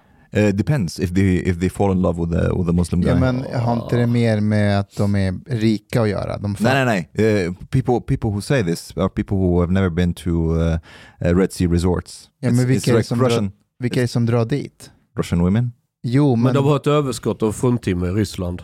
Men alltså, Sverige är rätt knullat hur vi än vrider och vänder på det.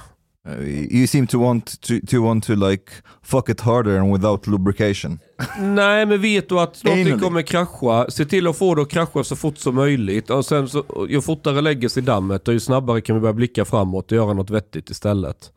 Vi har en bostadsmarknad som är helt åt helvete. Vi har en privat skuldsättning helt åt helvete. Vi har all sådana, mycket av vår basindustri har flyttat till typ Kina eller något. Vanliga eh, jobb, liksom allt det här som byggt upp. Fan du kan ju inte öppna en gruva idag utan att det är 15 års jävla handläggningstid. Hela det här systemet måste krascha. Sen när vi får lite ny, och så några sju svåra år så folk liksom får känna på vart den här idiotpolitiken leder. Sen kommer nybyggaranda igen. Och då kommer man liksom, Sverige bli ett rikt land och hej och hå. Vi har naturresurser, vi har folk med utbildning, vi har, det finns know-how och vi kan skaffa oss mycket eh, nytt know-how igen. Men ja, Hej på dig, min vän. Lyssna på mig nu. Du är mycket fin människa. Du har betalat biljett på klubbista måltid. En mycket fin radioprogram i Sverige. Tack vare dig så är det möjligt för grabbarna att shoppa kaffe latte ute på torget. Betalar kningar. Shoppa blodpudding till familjen. Oka tunnelbana. Eller dricka en kall Norrlands guld på uteservering, ibland. Dit bidrak gör grabbarna mycket glada. Dit stot gör gista måltid möjlig, helt enkelt. Tack, min vän.